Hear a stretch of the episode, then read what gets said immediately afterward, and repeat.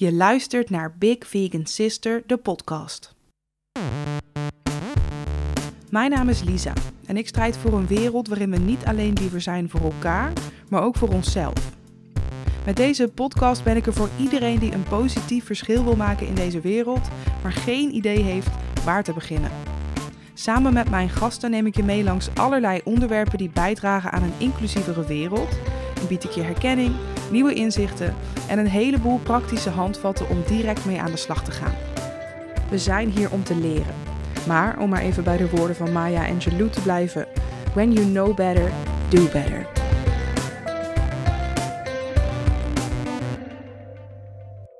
Welkom bij deze nieuwe aflevering van Big Vegan Sister, de podcast. Ik ga vandaag in gesprek met Bowie en met Lisa en we gaan het hebben over onze relatie tot eten en ons lichaam. En als ik zeg Lisa, dan, praat ik niet over mezelf in een derde persoon, maar er zit hier echt iemand tegenover mij die Lisa heet. En Lisa kunnen jullie ook wel kennen als de ruimtenaar op Instagram. Gewoon de ruimtenaar als ik het goed heb. Ja, oké. En uh, Lisa is een creative educator en zet zich middels creatieve middelen in om het te hebben over onderwerpen die hun belangrijk vindt. Bowie kunnen jullie ook wel kennen, denk ik, want Bowie heeft mijn huisstijl ontworpen, waar ik nog steeds heel erg blij mee ben.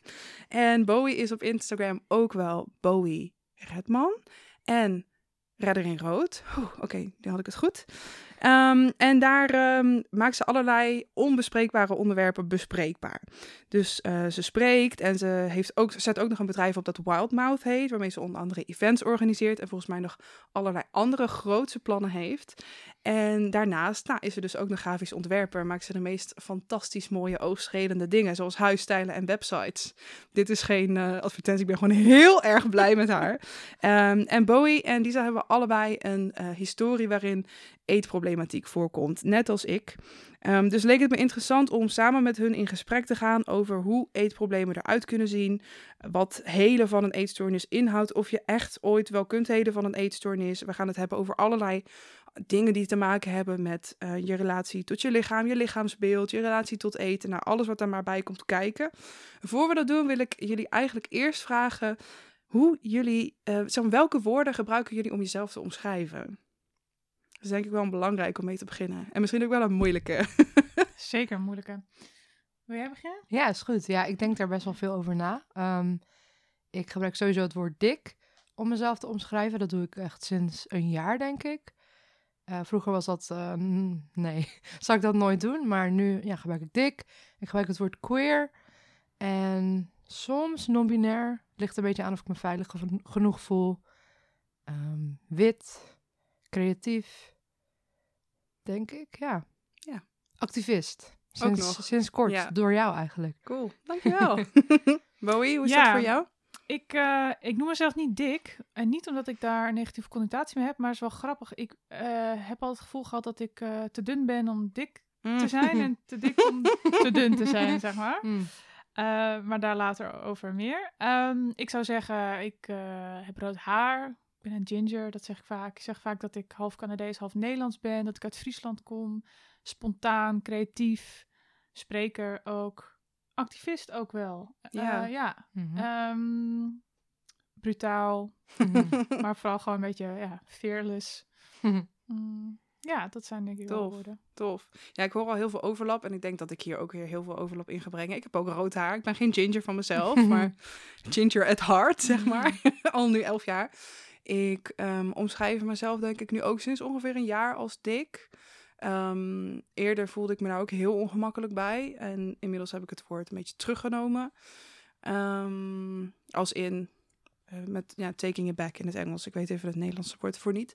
Sinds eigenlijk nog veel korter, ik denk een paar maanden, omschrijf ik mezelf ook als disabled.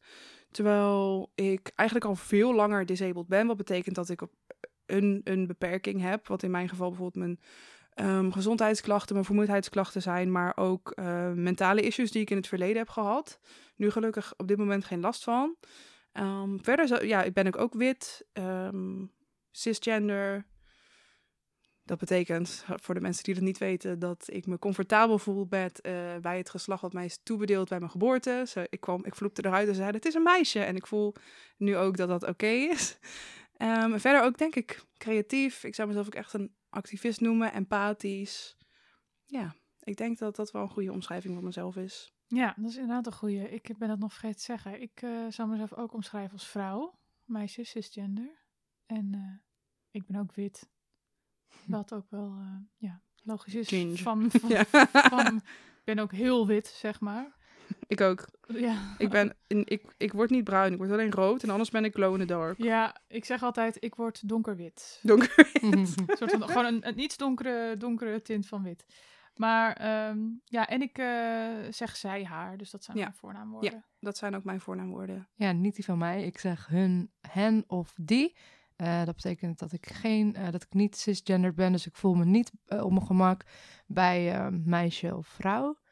Ehm, daar ben ik net echt mee bezig met onderzoeken, dus dat vind ik soms nog echt even lastig om in woorden te vatten, maar gaat steeds beter. En eh, ja. Goeie oefening dit. ja, hele goede oefening. en ik voel me ook bij jullie heel erg veilig, dus dat is bij Fijn. mij altijd heel fijn. Dat, eh, dan durf ik het. Ja, goed zo. Ja.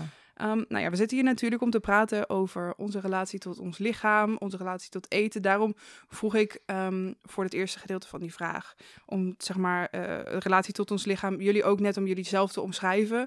Omdat de woorden die je voor jezelf eh, gebruikt heel erg belangrijk zijn in mijn ogen en ook veel zeggen over jouw relatie tot jouw lichaam. Want eerder had ik mezelf bijvoorbeeld wel dik genoemd, terwijl ik volgens als je naar de maat in mijn kleding kijkt, was ik helemaal niet dik. Maar toen was, had ik nog zo'n negatieve connotatie bij het woord dik, dat ik het gebruikte om mezelf onderuit te halen, terwijl ik het nu als het ware reclaimed heb en mezelf er helemaal fijn bij voel. Ehm, nou ja, zoals ik straks ook al even zei, jullie hebben allebei ook wel een achtergrond waarin eetproblematiek helaas voorkwam. En ik vroeg me af hoe dat er bij jullie uitzag en ook ehm, wanneer dat een beetje ontstaan is. Ja, ik was zelf eh, negen, denk ik, toen ik voor het allereerst op een dieet ging.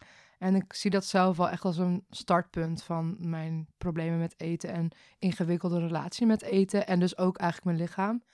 Eh, het was rond de tijd dat ik gewoon wat steviger werd. Als ik nu terugkijk, denk ik ook, oh ja, ik was toen niet dik, Nee. maar dat was wel in mijn hoofd. Ik was wel altijd het grootste uit mijn klas.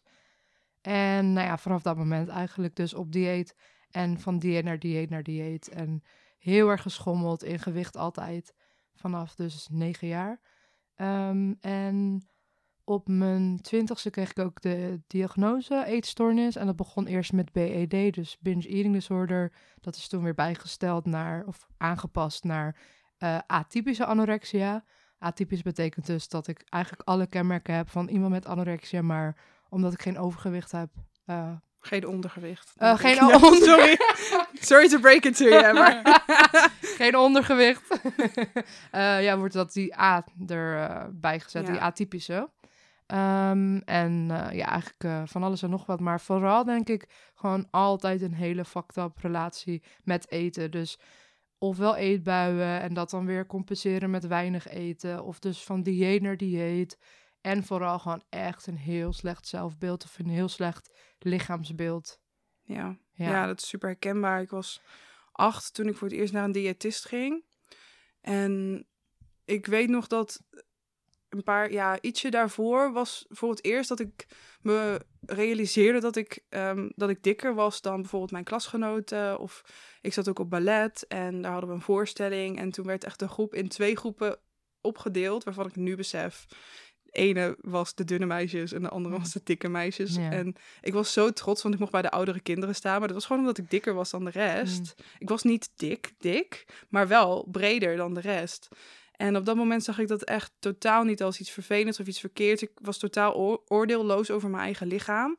Maar ja, je wordt iets ouder. Ik zat ook in de klas met oudere, ehm, oudere kinderen, omdat ik een klas over heb geslagen.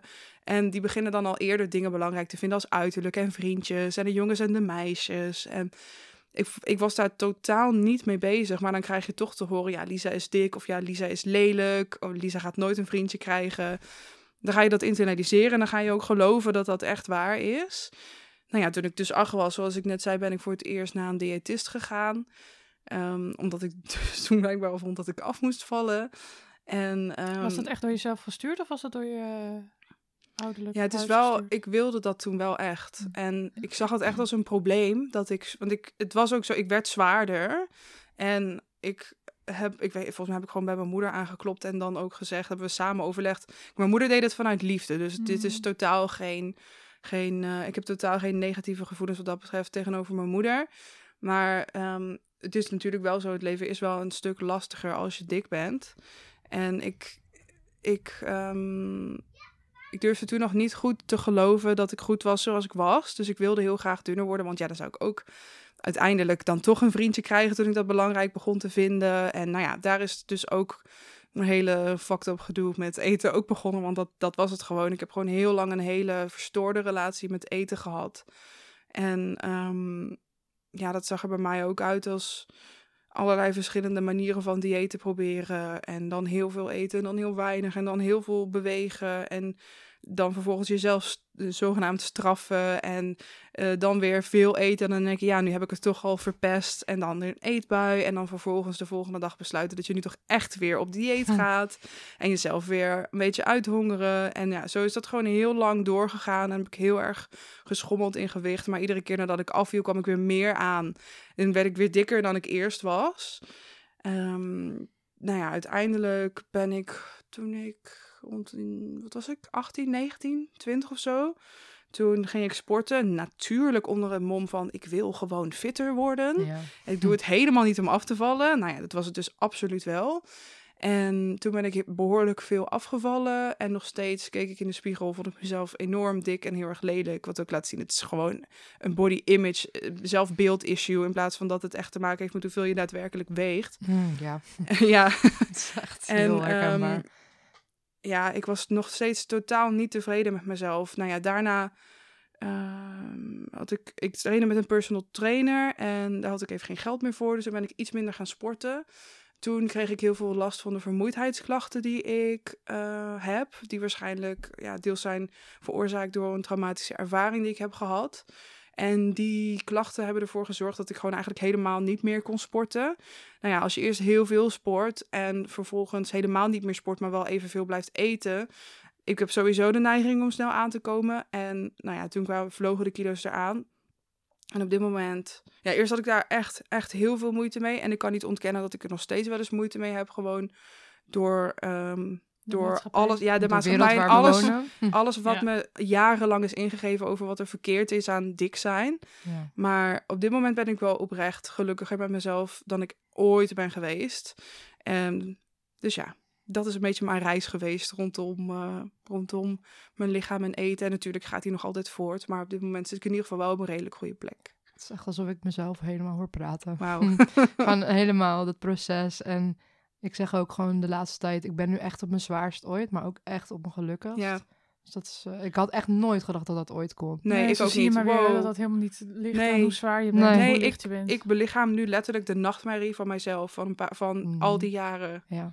En het ironisch is nu dat ik nu dus wel gelukkig ben. En toen was ik echt diep ongelukkig. Echt diep ongelukkig. Ik zie echt soms foto's van mezelf, dan, waarvan ik dan weet dat ik heel erg in mijn eetstoornis zat. Ja. Dan dacht ik, dan denk ik nu echt, ik was gewoon letterlijk dun. Ja. Maar toen, nou, ik, inderdaad, ik zag mezelf echt zo veel groter dan ik was. Ja, ja inderdaad. Om toch heel kort even um, over eetstoornis te hebben. Ik ben nooit gediagnosticeerd met een eetstoornis.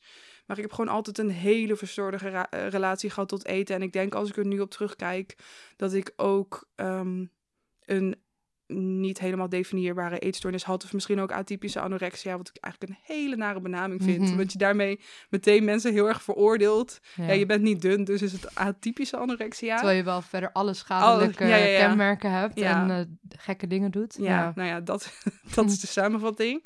Maar ik ben dus niet gediagnosticeerd daarin. En hoe is het bij jou gegaan, Bowie? Ja, goede vraag. Nou, ik denk dat uh, het. Ik kan me nog heel goed herinneren dat ik wel voor het eerst realiseerde dat ik uh, een beetje een buikje had. Toen was ik waarschijnlijk ook een jaar of negen of zo. Maar mijn zus zei altijd: nee, joh, dat is babyvet. Dat gaat er weer af als je groter wordt en zo. En uh, maak je geen zorgen zo. Um, en ja, als ik nu foto's zie, dan was ik natuurlijk gewoon een hartstikke normaal, tussen haakjes, normaal kind. Um, en ik heb um, op de eigenlijk op de basisschool ben ik er ook al een keertje mee gepest. En dus dan, terwijl ik heb ook rood haar, daar hadden ze me natuurlijk ook mee kunnen pesten, maar dan pakten ze me toch wel op mijn mm. lichaam. Ja. En ik denk dat ik voor het allereerst op een dieet ben gegaan toen ik een jaar of, uh, ja, dus wel eerder nog, misschien wel elf of twaalf was of zo.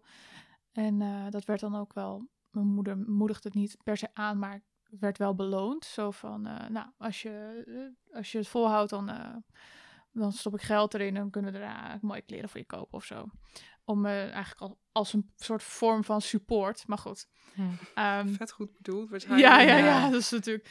Maar dat, ehm, ja. En op de middelbare school was dat ook heel duidelijk. Dus ik ben eh, het eerste half jaar ging heel goed. En daarna ben ik een heel, half jaar heel gepest. En dan eh, was ook voornamelijk op mijn lichaam. Dus zeekoe eh, noemden ze me dan. Of eh, nou, alles met dat ik dik Ja. was. Maar ik was echt helemaal niet dik toen. Echt totaal niet. En Het is echt je- alsof ze dat kunnen voelen, dat dat is waar je onzeker op bent. Ja. En dat ze, dat, dat ze je daarop pakken. En het is ook gewoon natuurlijk echt een machtsspel. En het is wel ook dat ik denk, ja, dat heeft echt. Ik ben eigenlijk best wel nou, ongeschonden daaruit gekomen. Want een half jaar later was het allemaal weer voorbij. En was ik zelfs op best wel populair. Niet dat ik een heel populair iemand was, maar ik had gewoon veel vrienden. Ik was in een andere klas gegaan. We hadden een hele kleine school. Dus Mhm. maar het was wel, eh, ja, ik denk, ik had misschien een beetje vet op mijn buik of zo. En ik had wel iets meer borsten misschien. En dat was dan al genoeg, weet je wel. Ja. En ik denk wat ook misschien niet altijd heeft meegewerkt, is dat ik heb altijd, eh, door de jaren heen, waren mijn beste vriendinnen altijd hele dunne meisjes. Ja. Hm. Niet dat dat... eh, dat, dat ze daarom mijn beste vriendinnen waren. Maar ik denk ook, dan is het contrast ook heel groot Mhm. of zo. Dus misschien dat dat ook wel heeft meegewerkt. Ja, en verder is mijn eetpro- Ik ben ook ehm, niet gediagnosticeerd. Ik, noem, ik zou ook niet zo snel zeggen dat ik een eetstoornis heb gehad. Hoewel ik daar, als ik misschien kijk naar alle, alle criteria, wel aan voldoe. Maar het is wel echt dat eh, ik heel veel eetproblematiek heb gehad. Voornamelijk een paar jaar geleden. Dus ik denk dat eh, ik heb altijd inderdaad afvalpogingen gedaan. En dat ging dan vaak met inderdaad naar een diëtist, eh, via een eetschema, sporten, dat soort dingen. Maar het werd pas echt problematisch toen ik een jaar of, ik denk eh 23, kijk hoor, nee, 25. Ja, misschien een jaar of vijf, zes geleden of zo. Toen wilde ik heel graag weer meer afvallen. En toen begon dat eerst redelijk gezond, ook weer tussen haakjes. Ehm, ja, en dat resulteerde inderdaad in, eh, in heel overmatig sporten eh, en super weinig eten. En alles heel obsessief. eh, alle sociale, sociale dingen afzeggen. En ja, tussendoor heb ik ook wel allemaal gekke dingen gedaan. Dus ik heb niet, ehm, nooit echt bulimia-reacties gehad of anorexia. Maar wel, volgens mij noemen ze dat nu ook eh, Orthorexia? orthorexia. ja, ja. daar heb ik ook kenmerken van gehad. Ja. eh, ja. En eh, zeker dat compensatiegedrag. Ja, ja. Van dat, soort, dat zijn dingen die ook nog wel vrij lang zijn gebleven. Omdat die zo klein Ja. zijn dat je zo voor je het weet is dat zit je weer met een Ja, dropje in je mond en dan spuug je hem daarna weer uit. En dan denk je, oh ja, wel de smaak, maar ja, niet maar de niet. calorieën. Oh god, ja. Nee, even voor de mensen tussendoor die het niet weten: orthorexia is ehm, een eetstoornis waarbij je ehm, zo gezond mogelijk wil eten, maar je dan heel erg doorslaat in het gezond eh, eten. Ik weet niet, heb jij er nog een betere definitie van, Lisa? Nou, ik kan wel vertellen hoe het zich bij mij een beetje uitte, zonder daar helemaal in detail in te gaan. Eh, maar ehm, ja, het ging bij mij bijvoorbeeld dat ik ook echt bang werd voor, zeg maar, eten wat Ja. gestempeld wordt als ongezond. Dus ja, dat vind ik sowieso in de maatschappij, dat leer je heel jong, dat er een soort van rode lijst en een groene lijst is met gezond en ongezond. Ja. Ja, want Ja, dat- supermarkt Oh, kijk- doet er zelfs aan oh, mee. Ja. mijn god. Kijk ook gewoon op Instagram dat je een- aan links heb je een plaatje van zogenaamd slechte eten. Ja. Ik weet niet of jullie deze eh, Ja, dingen kennen. Mhm. En rechts in beeld staat dan het plaatje van de vervanging die je er Ja. kan in. Nee, want als je lichaam craeft naar chips, dan heb je natuurlijk eigenlijk zin Water in gedroogd. nodig. Ja, weet ik, zoiets. ja. Of wat Oké. dacht je van de bloemkoolrijst in plaats van Oh, gewoon ja, een lekkere witte rijst? Ja. Maar ehm, ja, dat. En trouwens, even tussendoor, als je van bloemkoolrijst houdt of heel graag mango chips Mhm. eet in plaats van uh, krokie paprika chips, dan mag dat natuurlijk. Maar het gaat erom dat je er zo in doorstaat dat je eigenlijk liever het ene wil, Mhm. maar het jezelf zodanig bijna eigenlijk afstraft voordat je het überhaupt craeft of dat je het überhaupt wil, omdat je zo de overtuiging hebt dat dat compleet ongezond is en ook heel erg vanuit die angst om bijvoorbeeld dik te worden Ja. of eh, ongezond te zijn, Koolhydraten zijn slecht. dat soort aanvulling. dingen. Want Ja. inderdaad, nu eet ik dus wel gewoon, ik eet nu alles. Als in, ik eet en de chips en ik vind bijvoorbeeld bloemkoolrijst hartstikke lekker af en toe. Mhm. Ehm, dus dat is een goede aanvulling. Maar wat bij mij was, was ik, ik was echt bang voor een zak chips. Gewoon Ja. letterlijk. En ik was bang voor E-nummers. En ik was bang voor eigenlijk alles wat niet vers was. Of... En op een gegeven moment werd mijn lijst van wat ik dus wel mocht eten, dus mijn eigen innerlijke groene lijst, werd steeds kleiner. Totdat bijvoorbeeld, Ja. ik mocht geen brood meer. Ik mocht gewoon helemaal niks meer. En orthorexia is, ik weet niet of het inmiddels een officiële diagnose is geworden, wel. Nou, weet ik niet. Nee, dat zou ik even moeten opzoeken. Maar ehm, ik weet dat er gewoon heel veel mensen helaas rondlopen daarmee. In de, die Ja. dan denken dat ze heel gezond... Ja, maar het wordt ook heel erg aangemoedigd. Ja. Kijk overal om je heen. Ja. Kijk, kijk naar Instagram. Ja, want Ja. dat is, ik wil het zeggen, dat voor mij was dat, eh, eh, ik heb eigenlijk pas Instagram weer sinds eh, januari 2019 toen ik mijn bedrijf ben gestart. Ja.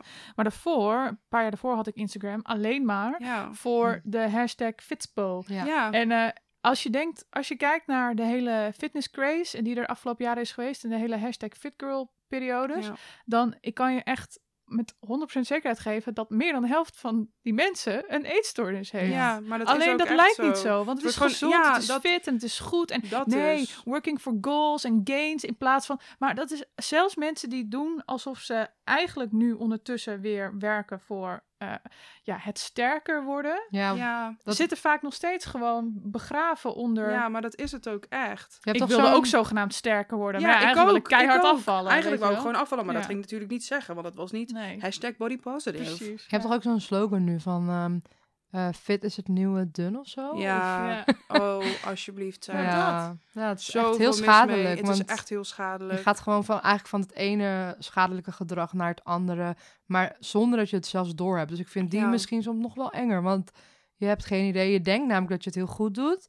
Daarom zeg ik ook altijd, ik probeer het zo gezond mogelijk Ja. te doen. En de luisteraars zien het niet, maar ik ja, doe dus tussen even aanhalingstekens. tussen even, ja. aanhalingstekens. Want het is natuurlijk helemaal Ja. niet gezond om zo...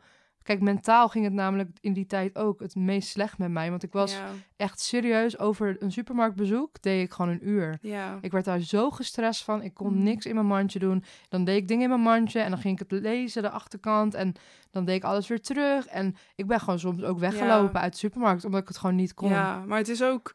Heel veel eetstoornissen gaan eigenlijk helemaal niet per se om je lichaam, hoe dom dat ook mag klinken. Maar gaan er, het gaat gewoon Ja. heel vaak over controle, omdat je over een heleboel gebieden in je leven geen controle Ja. hebt. Ja. En je dan zoiets hebt van, oké, maar dit is het enige waar ik in ieder geval wel iets over te zeggen heb. Dus er zit vaak heel veel, heel veel diepe shit onder, wat bij mij ook ongetwijfeld zo is geweest. Ehm, ik ben bijvoorbeeld een hele periode heel erg gepest. Ik heb, ehm, ik heb echt de meest fantastische ouders en zus, maar door verschillende omstandigheden is het vroeger best wel moeilijk geweest af en toe thuis. Ik vond heel moeilijk aansluiting bij mijn, eh, ik wilde soortgenoten zeggen, ik bedoel klasgenoten. soortgenoten had ik dus niet. Nee. Nee, ik, voelde, ik, ik vond het heel moeilijk aansluiting. Ik voelde me heel erg eenzaam. En als er dan iets is wat je wel in de hand kan hebben, is het iets als wat je eet of je lichaam. Ja, dat is, als ik er nu naartoe kijk, naar terugkijk, natuurlijk ook een illusie dat je het in de hand kan hebben. Maar Ja. zo zie je dat dan Ja. echt. Hebben jullie enig idee wat daar bij jullie onder zat? Ja. Als je dat wil delen. Ja, bij mij was het wel ook. eh, het was zeker. Het was echt geen toeval dat het ook samenliep met een eh, slechtere periode in mijn toenmalige relatie. En het was ook heel grappig, want. Of grappig, ironisch. Ehm, toen ik mijn huidige vriend leerde kennen en we waren gigantisch verliefd. Toen was dus alles, alle, alle eetstoornis vloog uit de deur, zeg maar. Ja. Vloog de deur uit. Wauw. Dus ik, dat heeft daarna nog wel even wat hersteltijd gehad. Maar toen we zo verliefd waren, oh, ik dacht er helemaal niet meer over na. Dat ging gewoon, eh, dat- in het begin was het nog wel een beetje voorzichtig, maar op een gegeven moment ging ik gewoon. En Ja. at ik en dronk ik alles wat ik wilde. Ja, ik was zo knijter verliefd dat dat helemaal niet meer uitmaakte. Hm. En eh, achteraf denk ik wel, ik liep toen bij een psycholoog voor die eetproblemen. Oh ja, ik ben dus wel een keer bij de psycholoog geweest voor Oh, eetproblemen. We, hadden het, we hadden het voor de opname over of we hiervoor behandeld waren. Ja.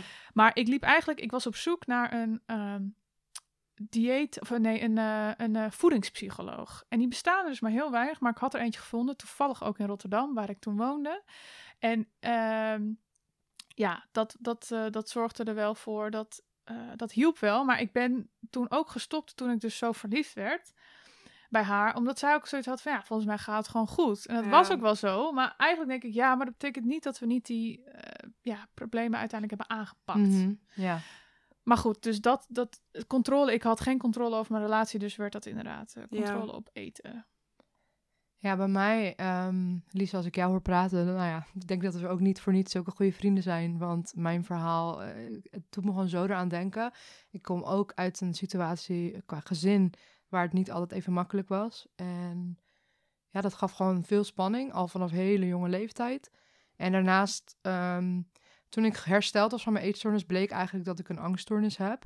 Een gegeneraliseerde angststoornis. Afgekort als gas, wat ik altijd wel grappig vind. Wat niemand zegt. Gas. Ja. Ehm, en dat, het was alsof die eetstoornis dat allemaal bedekte. Ik, ik weet gewoon, ik ben altijd al een best wel angstig kind geweest. Mhm. Dus bang voor heel veel dingen. Bang voor dat bijvoorbeeld mijn opa en oma zou, zouden doodgaan. Dat was echt zo'n Ja. heel ding. Maar ook bang dat ik er niet bij zou horen. Bang voor rekenen, want daar was ik niet zo goed in. Oh. Dus echt zo angstig. Maar ehm, ik zeg ook wel eens van, het had bij mij net zo goed bijvoorbeeld dat ik eh, aan alcohol verslaafd had kunnen raken.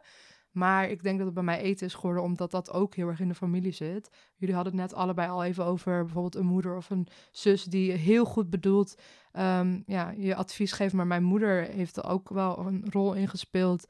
Die ehm, heeft zelf altijd gedieet. En dat, ik werd daar zo mee opgegroeid. En ik. Ik neem ja, maar dat, ook normaliseert het ook heel erg. ja, en ik neem haar dat ook niet kwalijk, want ik weet dat zij dat ook weer meekreeg. precies. en Ja, zo gaat dat. dat, dat die dieetcultuur Ja. is volgens mij in haar generatie al helemaal. Dat, dat werd zo als normaal gezien. En natuurlijk nu nog Vroeger steeds. had je letterlijk de slogan... ehm, eh, maak je niet dik, dun is de mode. Wauw. Ja. Ja. Ja. ja, Misschien is het ook goed om even te kijken van wat is dieetcultuur eigenlijk? ja, Ja. sowieso. zeker. Sowieso. Ik wilde daar sowieso dadelijk heel graag op doorgaan. Maar eerst wou ik Lisa nog een vraag stellen. Want Hm. ehm, ik heb geen specifieke behandeling gehad voor mijn eetstoornis. Mhm. Ehm, ik, heb wel, ik ben voor andere dingen in therapie geweest, lang ook. Ehm Bowie gaf wel even aan dat, ja, je hebt wel een keer over gepraat, maar het was niet heel extensive. Je zit nu in een bepaald project waarbij Ja. je, ja, daar gaan we het dadelijk ook nog Ja, over hebben. goed, want. Bowie kan op dit moment een heleboel dingen niet eten vanwege eh, allerlei onderzoeken voor allergieën. Wat ook eh, dingen triggeren. We gaan het straks nog over triggers hebben voor ons. Ehm, maar hoe is dat bij jou gegaan, Lisa? Want jij hebt wel een behandeling gehad. Ja, klopt. Ik ben bijna drie jaar in behandeling geweest eh, bij Human Concern. En ja, daar heb ik een behandeling gevolgd. Dus eerst voor de eh, BED. Maar eigenlijk voelde dat meteen al niet helemaal goed, omdat ik dus eh, niet alleen maar eetbuien had. Maar ik heb toch het idee dat ze daar minder goed naar gekeken hebben, omdat ik dik ben. Eh, daar heb ik sowieso veel over te zeggen, want Ja, oh, daar kunnen we een hele andere aflevering Ja. aan wijden. dat lijkt me heel fijn een keer. Ja. Want ja, zeg maar dik zijn en een eetstoornis hebben is sowieso... Ik had geen idee dat ik dat had. Dus het begon al heel lang geleden dat mijn ex een keer zei van... joh, heb jij niet een eetstoornis? En dat ik echt haar in haar gezicht uitlachte en dacht... Wat? ik? Dat kan helemaal niet, want Kijk ik ben dik. mij, ja. ja. dat kan niet. Ik ben niet dun. En dat komt natuurlijk gewoon door een, ja, een Ja. hele vertekende beeldvorming in de maatschappij. Dat het altijd over eetstoornissen gaat. Dan wordt alleen maar het witte, hele dunne meisje met vaak anorexia benoemd. Natuurlijk, net zo erg mag er ook zijn. Maar er mag Ja. ook net zoveel aandacht zijn voor de dikke personen. Of. Ja. de gemiddelde, tussen aanhalingstekens, personen Ja. die dat ervaren. En het is natuurlijk ook zo dat het heel erg wordt becomplimenteerd. Dus als je dik bent en je valt af, dan Ja. is het, wat zie je er goed uit, je bent zo eh, Precies dit, afgevallen. Ja. Oh, En als je dun bent en je valt af, Oh. zal niemand dat zeggen. Nee, het was echt... Ik, Moet je niet een beetje aankomen. echt. Ik had laatst... Eerst vond ik het altijd een heel groot compliment als mensen Ja, dit zeiden. tuurlijk. Ben je afgevallen? ja. Mijn vriend en ik maken er nu ook altijd heel veel grapjes over. Dat eh, onze hond dan zogenaamd tegen ons zegt als die snacks wil. Ja, onze hond praat in ons hoofd. Dat hij dan zegt, zijn jullie afgevallen? En dat Mila dan verwacht dat ze heel veel snacks krijgt. Even tussendoor dit. Zo gaat Laf- het eraan toe in de huis eh. Jansen van Bokstel. Eh ja, Mila heeft een hele eigen alter ego. Maar daar ga ik vandaag niet te veel op in. Die is heel veel ger. Misschien moet hij ook een keer een eigen Ja, podcast. misschien moet hij- ik weet, dit wordt sowieso explicit. Ja, Maar, ehm, en ik had laatst, volgens mij was het iets van een jaar geleden of zo. Laatst zeg ik echt een half jaar geleden. Nee, jaar. Sorry voor dit verhaal. Goed verhaal, lekker kort. Ehm, toen zei iemand tegen mij, zo, ben je afgevallen? Toen dacht ik bij mezelf, waar bemoei jij ja je mee? I know. Ik was ja. echt verontwaardigd. Ja. Ik zo, nou, volgens mij niet. Ja, ik was ook heel bits. Ik weet niet, ik dacht... Ja, ik- dat ik- is omdat iedereen denkt dat dat een compliment is. maar en ik- zo weet je ook, oh, afvallen is goed, afvallen is goed, dunner worden is goed. En ik, ze, zijn er ook, ze gaan er ook altijd vanuit dat ik bezig ben met afvallen, omdat ik dik ben. Ja. En ook, ik, ik besefte ook voor de eerste keer dat ik beledigd was dat iemand het tegen me zei, Ja. in plaats van dat ik blij was. ja. Ik liet het dan ook altijd heel erg van andere mensen afhangen. Dan hoopte ik ook dat andere mensen zouden zeggen van, wow, ben jij afgevallen? En dan was ik bijna boos als mensen dat niet Ja. tegen mij zouden zeggen, omdat ik toch zo hard mijn best Mhm. deed. En Gewoon alleen Dus- al die koppeling van... oh, wat zie je er goed uit. Komma, Ben je Precies. afgevallen? Doe het gewoon niet. Nee. Goeie les. Ja. Als je je er goed denkt, uit, dankjewel. Precies. Ja. wat zie je er goed uit Maar, en niks ja. daarachter Nee. plakken. Want je weet ook waarom. niet, je weet niet wat Nee, erachter dat zit. is, je Sommige weet iemands mensen. historie niet. Ik was bijvoorbeeld ooit heel dun omdat ik dus niet at. Omdat ik Oh een god, hele erge ik ook. eetstoornis had. Omdat ik, dus depressief was. En dan zeiden mensen alsnog, wat zie je er goed wat er uit. goed Ja. Uit. En wat ben je dun? En ehm, dat zag ik toen inderdaad helaas als een compliment. Maar nu niet meer. Zeg maar gewoon niks over Ja. mijn, zeg maar, of ik dikker of dunner ben. Want Nee, je weet gewoon niet wat erachter Nee. zit. Ja, Bij mij zeiden ze het ook wel eens als ik mijn haar had geknipt. Dan denk ik, nee, ik heb dus gewoon mijn haar geknipt. Oh ja, ja. Maar je denkt dus gelijk, ze ziet er goed uit, dan moet Ja, ze wel Moet, zijn oh, afgevallen. dat ook nog. Want dat is natuurlijk het allerbelangrijkste wat allerbelangrijkste, een ja. eh, En persoon en dat kan maakt bereiken. je mooi. Dat is het enige wat jou mooi maakt. Ja. Oh. Maar goed, we hadden Oké, het ja, we hadden het helemaal af. Maar Ja, je was aan het vertellen over je behandeling. Ja, want ik, wat ik daarvoor zei inderdaad, dat het gewoon al heel lang duurde voordat ik überhaupt die eerste stap zette. Een drempel over Oh, bij je dat moet al een drempel eetstoornis. over, ja, maar nu al helemaal. enorme drempel. Want ik dacht ook gewoon zelf van, nee, dat heb ik helemaal niet. Ik nam Ja. mezelf niet serieus. Eh, maar goed, uiteindelijk na echt heel lang, echt, ik denk dat ik er een jaar over heb gedaan, nam ik de stap. En toen kreeg ik dus BED meteen, waar ik me niet helemaal bij thuis voelde. Ehm, omdat ik dacht, ja, ik, ik heb eh, eetbuien, maar ook andere dingen. Maar in het begin werd dat dus niet echt, eh, niet echt onderzocht. Later wel, omdat een relatie uitging en daar, dat triggerde bij mij heel veel, waardoor ja, toen ik zeg maar daar begon, was mijn eetpatroon redelijk gezond. Maar daar, ja, ik ging heel erg in de meer eh, atypische anorexia ehm, handelingen. Ehm, maar ja, ik heb dus bijna drie jaar eh, therapie gehad. Ik ben net eh, sinds oktober afgelopen jaar, geloof ik, eh, gestopt met de behandeling. Maar wel al het gevoel dat ik langer eigenlijk ja, hersteld ben van mijn eetstoornis. Ja. Wat is voor jou herstel? Ja, het Hoe zou je dat omschrijven? Zeg maar, hoe, hoe, hoe je er eerst bijvoorbeeld tegenaan keek en, en hoe je nu je relatie tot je lichaam en je eten zou omschrijven. Ja, wat het bij mij vooral is, is dat ik gewoon niet meer de hele dag aan dat soort dingen denk. Ja. Ik denk niet meer de hele tijd, wat kan ik eten? Wat moet ik eten? Ik raak niet meer in paniek als ik, als een vriend ineens vraagt, blijf je eten? Ja. Eh, ik, ehm, ik, er gaan dagen voorbij dat ik niet denk over mijn lichaam. Als in, ik ben gewoon in mijn lichaam. En ik denk niet, oh, wat zie ik er fantastisch uit. Soms wel, gelukkig. Vind ik leuk. Maar ook dagen dat ik gewoon aan, de, aan het eind van de dag denk... ik heb geen seconde over mijn lichaam gedacht. Het betekent dat ik gewoon naar de supermarkt kan gaan... en dus alles mag eten van mezelf. Dus eh, ik geniet weer van eetstoornis eten. Dat noem ik altijd zo als een soort van grapje. Maar het is voor mij wel echt... Bijvoorbeeld, ik heb een aantal dingen die ik heel lang niet meer kon eten... omdat ik het alleen maar mocht eten van mezelf. Mhm. Dus dan had ik heel strenge dingen, zoals bijvoorbeeld dat ik gewoon alleen maar een appel, zeg maar, als tussendoortje mocht. Dus ik at vet veel appels. Nou, appels kwamen echt jaren mijn neus uit. Ja, ja. Nou, die vind ik nu weer heel lekker. Dus ja. dat is het. Het is gewoon vrijheid. Het is niet denken eh, als ik iets lekkers eet van, oh, ik mag nu maar één keer per maand patat. Ik mag als ik wil elke dag patat. En daardoor heb ik daar ook niet per se heel erg zin in. Ja, ja, ja. Dus dat is voor mij hersteld Vooral weten zijn. dat je het mag van Ja, jezelf. Niet meer dat laatste avondmaal gevoel. Want dat had ik altijd op de, bijvoorbeeld de zondag. Zondag was voor mij altijd het laatste avondmaal gevoel. En dan moest alles gegeten worden, want daarna mocht het niet meer. En dat is gewoon niet meer. Dus het is vooral veel neutraler, laat ik het zo zeggen. Ja, mooi.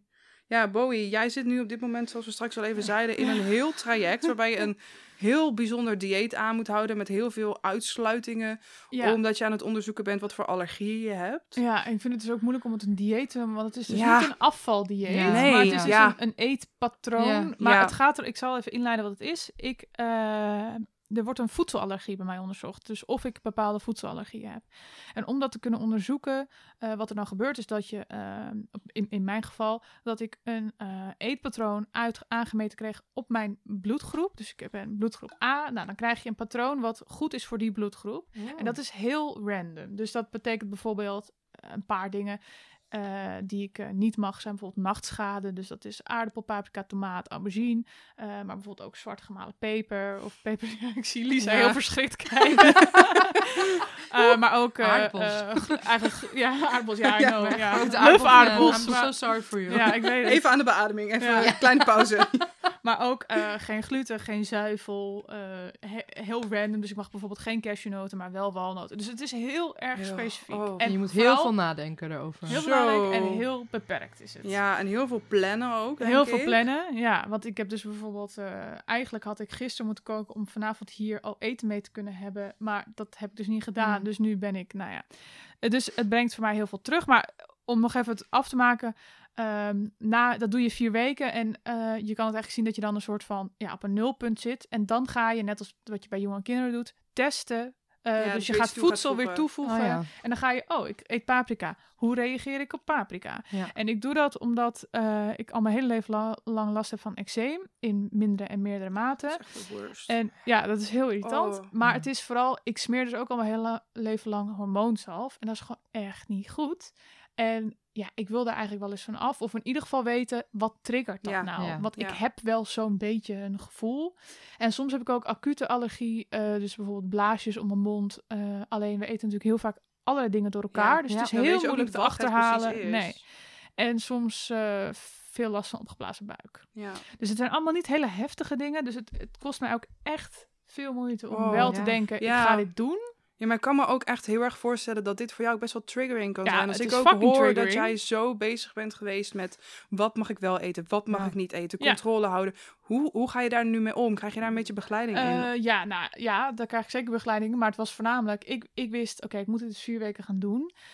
Kut, ik moet dus allemaal etentjes af gaan zeggen. Oh. Allemaal sociale dingen die ik niet kan doen. dat Ehm, komt er ook nog bij ja. kijken. Komt Dat er ook bij kijken, ja. En dus ik dacht ook van, oké, en ik moet per week boodschappen gaan doen. Want ik kan dus eigenlijk mezelf niet veroorloven om in de situatie te komen dat ik geen eten bij me heb, maar wel honger bijvoorbeeld.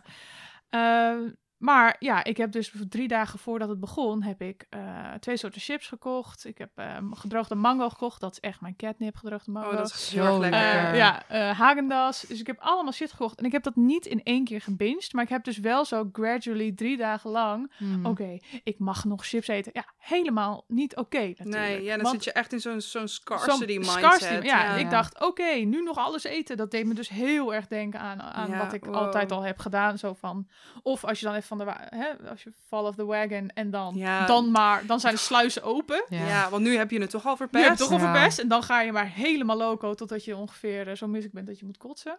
Maar goed, dus dat soort triggers krijg ik. Maar ik krijg ook inderdaad triggers van, eh, oh, misschien val ik wel af, yes. Ja, Ja. Terwijl ik dat Zo. eigenlijk niet wil. ja, Ehm, herkenbaar. Eh, Dat maar heb ik als ik ziek ben. Ja, ik dat ik ook. dan, Oh, dat er dan aan het begin ben. toch een Ja. gedachte door mijn hoofd gaat. Oh, misschien val ik wel af. En dat Ja. ik meteen denk, serieus Lisa? Ja. Ik had het dit Ja. keer nog. En het, hoe Ja. lang geleden is dat? Twee weken geleden. Ja. Dat ik toch even een paar keer dacht. Oh. Ik had echt een heftige Ja. parasiet trouwens. Dus ik was echt alleen maar op ja, de wc. dit was echt niet, Dit was echt niet, oké. nee. En toch even die gedachte inderdaad van... Oeh, zou deze broek dan wel nu passen? Ik heb Ja. hem niet gepast, maar zo, toch. De ja. gedachte, het blijft ja, gewoon... same, ja, dat is misschien Ja. nog terugkerend op de vraag van... in hoeverre ben je helemaal ooit hersteld? Volgens mij blijven dit soort dingen altijd Ja, even... dat denk ik dus ook. Maar ik kan gelukkig wel... Die gedachte komt en dan meteen een gedachte Ja. er Ja. tegenaan zetten van... ja, Oh ja, dit wil ik eigenlijk helemaal niet meer. Maar ja. het, het, helpt dus ook eh, om dus wel te realiseren van hoe ga ik dus met food triggers om. ja, Dus Ja. dat, dat, dat vind ik fijn dat dit traject wel dat opbrengt. En eh, ik moest ook bijvoorbeeld de eerste week een eetdagboek bijhouden. Nou, dat heb ik dus... Ja, Hm. dat doet me echt... Dat brengt me helemaal terug naar mijn hashtag fitgirl tijd. Maar ik heb dus wel voor gezocht, ik schrijf dat gewoon op. En wat ik doe, is ik schrijf geen hoeveelheden op. Dus Ja, ik ga niks zo. wegen, Oh, ik ga niks... heel Ja. goed. Dus ik, als ik, eh, weet je wel, ik heb eh, een maïzwafel met avocado gegeten. Niet drie, twee derde stukje avocado. ja. Zo, ja, s- 50 gram? ja, zo ging ik dat wel in mijn eet-app vroeger ja, eh, ik ook. toevoegen. Gewoon Oh. elke kleine gram. Zo dat, schadelijk. Ja. ja. super schadelijk. Ja. Dus wat, wat goed dat je dat al voor jezelf hebt bedacht. Ja. Dat dat in ieder geval niet... ik dacht, dat doe ik dus niet. Nee. Want dat goed. gaat, dan Ja. gaat het snel de verkeerde Ja. kant op. En dat, dat zijn ook dingen die ik heb besloten toen ik met de personal trainer ging werken. Van, ik wil niet gewogen worden. Ik ga Ja. niet op, ik wil niet in de ga- gemeten. Weet je, al die dingen. We gaan het niet hebben over hoe kan ik het snelste afvallen of wat dan ook. Heel goed. Ja, dus ik heb ervoor gezorgd dat ik ook in, die, in dat sporten, maar dat is misschien een ander, ander topic voor later, eh, ook zorg dat ik niet die triggers ook opzoek. Mhm. En dat is met dit, met dit voedselallergieonderzoek ook zo. En ja, ik moet dus nu ook eigenlijk dagelijks wel weer dat ik denk, oh ja, trigger, trigger, hoe ga ik hiermee om? En, ehm, maar goed, daar word ik ook wel bij geholpen. En ik ga dus ook een, ehm, een innerlijke reis heet dat, een hypnosebehandeling doen. Om te kijken van, oh, waar komen die triggers eigenlijk vandaan? Want wat dus wel dat je heel nog fijn dieper was, kunt graven in je intuïtie. Mm. Ja, om te kijken Ja. van, kunnen we die triggers Voor jou, ook... sorry, je onderbewuste. Ja, kunnen Ja. die triggers ook opheffen eigenlijk? Of, eh, of die meer, nee, niet die triggers, maar die beperkende overtuigingen over eten. Want Ja. Ja. ik, eh, moest bijvoorbeeld dat dagboek laten controleren, dat eetdagboek. En toen stond er dus wel, wat is heel fijn was bij, van veel meer vet eten, veel meer koolhydraten. Oh. En zij Mm. zei ook, ja, ik zie dus dat jij nog dingen doet uit je Maar wat, eetproblematiek. wat supergoed ja. dat je daar open over bent geweest. En dat deze persoon er ook zo rekening mee houdt. Oh ja, ja, ja. En zij is ook, eh, zij eh, ja, he- heeft daar zelf ook ervaring mee. Dus ze weet Ja. ook goed waar ze op moet letten. En het gaat ook heel erg, wat ze zegt ook van, veel mensen willen intuïtief kunnen eten. Maar je kan eigenlijk niet intuïtief eten als je niet goed weet wat dingen voor je lichaam doen. En dus niet kan denken, weet je, dan, dan kan je dus niet denken van, oké, waar heb ik zin in? En niet die beperkende overtuiging Ja, van, oh ja, maar er moet wel deze vitamine in zitten. En wel niet te veel vet. Ja, En wel goede ja. vetten dan, als ze Ja. erin zitten. Ja, Ja, dat dus, klopt. dus eh, ze zei eigenlijk moet je daar wel eerst doorheen voordat ja, je moet je überhaupt- los van komen. Ja, en ook je moet eigenlijk dus wel weten wat eten voor jou doet, voor je, hoe je je voelt, om te kunnen denken, oh, ik heb dus, want dan kan je gevoel en je intuïtie ook kiezen van, ik heb nu hier zin in. Ja. Weet je wel, los Ja, van. in plaats van dat je vanuit- of- Vanuit jouw ehm, eetproblematiek gaat denken. precies. Ook al denk je dat je het zelf bepaalt. Oh ja, ik moet nu dit eten. En dat je uiteindelijk alsnog eigenlijk op het randje van orthorexia zit. Of Ja. dus altijd als je uit eten gaat, dan eh 16 gangen met alle dingen die je eigenlijk, weet je Ja, wel, omdat je dan... Terwijl- omdat Ja. je denkt dat je, ik ben nu uit eten, dus nu moet het. Nu Terwijl moet misschien het, heb je ja. wel zin in, in een fucking soepje en that's Ja, it. of een salade. Ja. Inderdaad. Ik heb dat nog steeds een beetje met patat. Patat is mijn catnip. Ik vind dat een hele leuke manier om... Ja. Ja. moet er heel hard om lachen. Het is bij mij krokie paprika chip. Ja, Oh. I know. Bij mij echt patat. Echt, hou een patat voor mijn neus en ik doe echt... Ik loop mee, ik, ik geef kopjes, alles. Ehm, maar, dus ik, ik vind het wel grappig dat je noemt inderdaad van intuïtief eten. Ik heb dat zelf, ik heb daar een boek over gelezen, meerdere. En ik weet ook dat mijn proces was, vond ik best wel grappig, dat ik gewoon echt even helemaal los ging op elke categorie. Dus ik had gewoon ehm, een soort van thema maanden. Dus ik had een chipsmaand en een, niet eens heel bewust hoor, maar dat ik gewoon even helemaal los mocht van mezelf. En echt, want ik had de jaren natuurlijk mezelf het ontzien. En op een gegeven moment kwam er een soort langzaam, eerst dacht ik, ik stop nooit meer met eten. Dit gaat mis of zo. Maar ik Ja, ging ook daar... dat weer. Dit ja, gaat mis. dit gaat mis. Ja. Ik dacht echt, want ik ga nu heel erg aankomen. Dat is het ergste wat me kan overkomen. Dat was nog steeds die oude gedachte. En op een gegeven moment merkte ik gewoon... Oh ja, nou echt zoveel chips eh, is het een keer echt wel oké of zo. En ehm, En Maar- ook dat je weet dat, dat het er altijd is. En dat Ja. als je er zin in hebt, je het mag pakken. ja, Maar dat je ook gewoon één chipje mag pakken als je gewoon de Ja. smaak wil. Maar dat je ook een hele zak mag eten als dat dan is waar je zin in hebt. En dat je lichaam, dat je erop vertrouwt, dat je lichaam ook zelf aangeeft ehm, wat, waar je zin in wat hebt. het echt nodig heeft Ja. inderdaad. Ja, want ook... Het duurde bij mij echt lang om Ja. ook mezelf te vertrouwen dat het dus echt dit keer niet zo was. Dat ik niet nu weer even een nieuwe rage had voor mezelf van mogen eten. Maar echt dat ik de hele tijd tegen mezelf zei, dit is het nieuwe normaal. Hmm. En inderdaad daardoor heel langzaam dan voelen van... Oh ja, ik heb nu echt een paar dagen best wel veel eh, vet gegeten. En dan dat ik dan uit mezelf voel van... Oh, ik moet vandaag echt even... Ik heb zoveel zin in groenten. Ja, en dan niet veroordelend van ik heb vet gegeten, nee, dus nee. ik Ja. moet nee, compenseren. nee, gewoon puur je moet een vanuit- balansdag doen. Ja, nee, puur vanuit... Ik heb, ik heb dat soms dat ik dan... Bijvoorbeeld als ik heel veel chips heb gegeten... heb ik daarna zoveel zin in dat ik lekker frisse krakende Frisse, van een komkommer. Oh, ja. Terwijl vroeger vond ik komkommer dus heel lang echt niet meer lekker. Door Ja, dus door, ja. dat Ja. altijd maar moeten eten. Maar het is Ja. gewoon mondgevoel is er weer ineens ook. Weet je wel van, oh ja, ik heb nu zin in iets krakends. Ja, Of- maar je mag het ook weer bewust beleven. Want wat Ja. ik dus heel erg lang heb gehad, bij mij was het ook een soort numbing. ja. Dus dat je als het ware heel veel uit wil schakelen Ja. en gevoelens niet wil voelen en dat je daar eten voor gebruikt. Oh, ja. En dat ik dan aan het eten was, maar dat ik eigenlijk niet eens meer proefde wat ik nou aan het Ja, eten was. Maar het was gewoon een middel om andere dempen. dingen even uit te schakelen. Ja. ja. Dat is heel grappig, want dat heb ik dus nooit gehad. Dus ik heb mezelf ook nooit een emotionele eter genoemd. Alleen eh, wat, het, wat eten wel met me... Ik ben wel echt een Bourgondier. Dus ik hou van eten. Ik word blij van eten. Ik dus ook echt maar ik ben erg. niet een emo-eter. Dus als ik huil, ga ik niet als eerste mijn gezicht vol stoppen. En dat is ook altijd... eh, terwijl ik vroeg me dus ook altijd af... Ja, ben ik dan wel... Want ik word wel blij van eten. En dat is ook een emotie. Ja, dat is Dus eigenlijk ben ik ook, dan ja. maar, hè, en, en dat is ook het last. Het allerlastigste is natuurlijk met al deze dingen dat je kan stoppen met roken, heb je niet Ja. nodig. Je kan Hm. stoppen met drinken, heb je Ja. niet nodig. Maar stoppen met eten gaat niet. Nee. Dus je moet altijd leven met je verslaving of met je, Ja, Ja. of met je triggers, of met je schadelijke gedachten. Ja. ja, maar dan is het ook een beetje het ding. Want ik heb wel ook, om even terug te komen op wat is helen. Ik heb wel het gevoel alsof ik geheeld ben van mijn eetproblematiek. En ik ben nu ook op dit moment heel erg bezig met intuïtief eten. Eh, als je daar meer over wil weten, zijn heel veel mooie boeken over geschreven. Als je op bol.com intuïtief eten intypt, weet ik zeker dat er heel veel mooie titels tevoorschijn komen. Lisa, jij zei dat je twee boeken had Ja, ik gelezen. kijk meteen even in mijn boekenkast. Ja, ik, ik zit ook te Zal ik hem kijken. even erbij pakken? Nou, Lisa heeft de boeken erbij gepakt. Yes. Ik zie hier The Intuitive Eating Workbook. 10 Principles for Nourishing a Healthy Relationship with Food. Door Evelyn Tribol en, als ik het eh, eh, goed uitspreek, en Elise Resch. Mhm. En dan een boek wat echt eh, vrij bekend is in de ehm, intuïtief eten community. Wat Ja. ook eh, heel erg nauw samenhangt met Health at Every Size. En zo heet ook dit boek. Die heet Health at Every Size. The Surprising Truth About Your Weight. En die is van Linda Bacon. Ja. In name. Mhm. Ehm. En ehm, nou ja, ik denk dat je hier heel veel waardevolle informatie uit kunt halen om neutraler naar eten te gaan kijken. Eten ook weer als iets leukers te gaan zien. Daar gaan we straks ook nog even op in. Want Lisa zei al dat ze daar een heleboel mooie tips voor heeft. Dus ook een vraag die we kregen namelijk van een van jullie. Ehm, ik zit zelf nog midden in het proces en het is een proces. En er zijn ook, mocht je daar hulp bij zoeken, mensen in Nederland ook die daar gewoon in gespecialiseerd zijn, die je daarbij kunnen helpen. Maar ehm, deze boeken zijn al een mooi beginpunt. En trouwens ook eh The Fuck It Diet, die ook onlangs in het Nederlands is uitgekomen. Het Fuck It Dieet.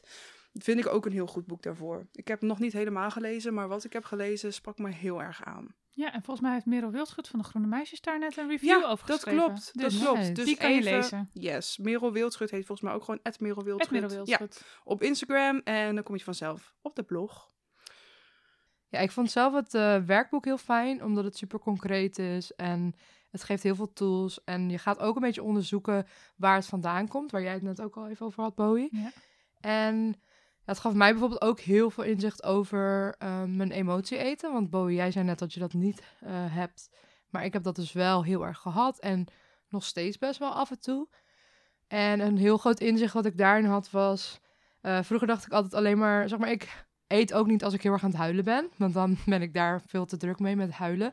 Maar juist als ik niet echt bij die emotie wilde komen... of zeg maar als ik het uit de weg ging, wat Lisa ook al even zei... om het te dempen, Ja. ging ik eten...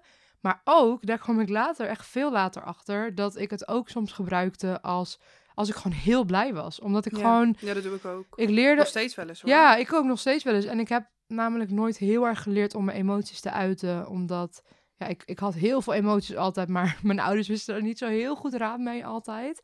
Ehm, dus ja, ik ontdekte dat soort dingetjes van ja, dat dat me dan op dat moment hielp. Ehm, maar toen kwam ik ineens achter van, oh ja, dat doe ik soms ook als ik gewoon heel blij ben en ik weet niet wat ik met die emotie moet. Dan ga ik ook eh, eten.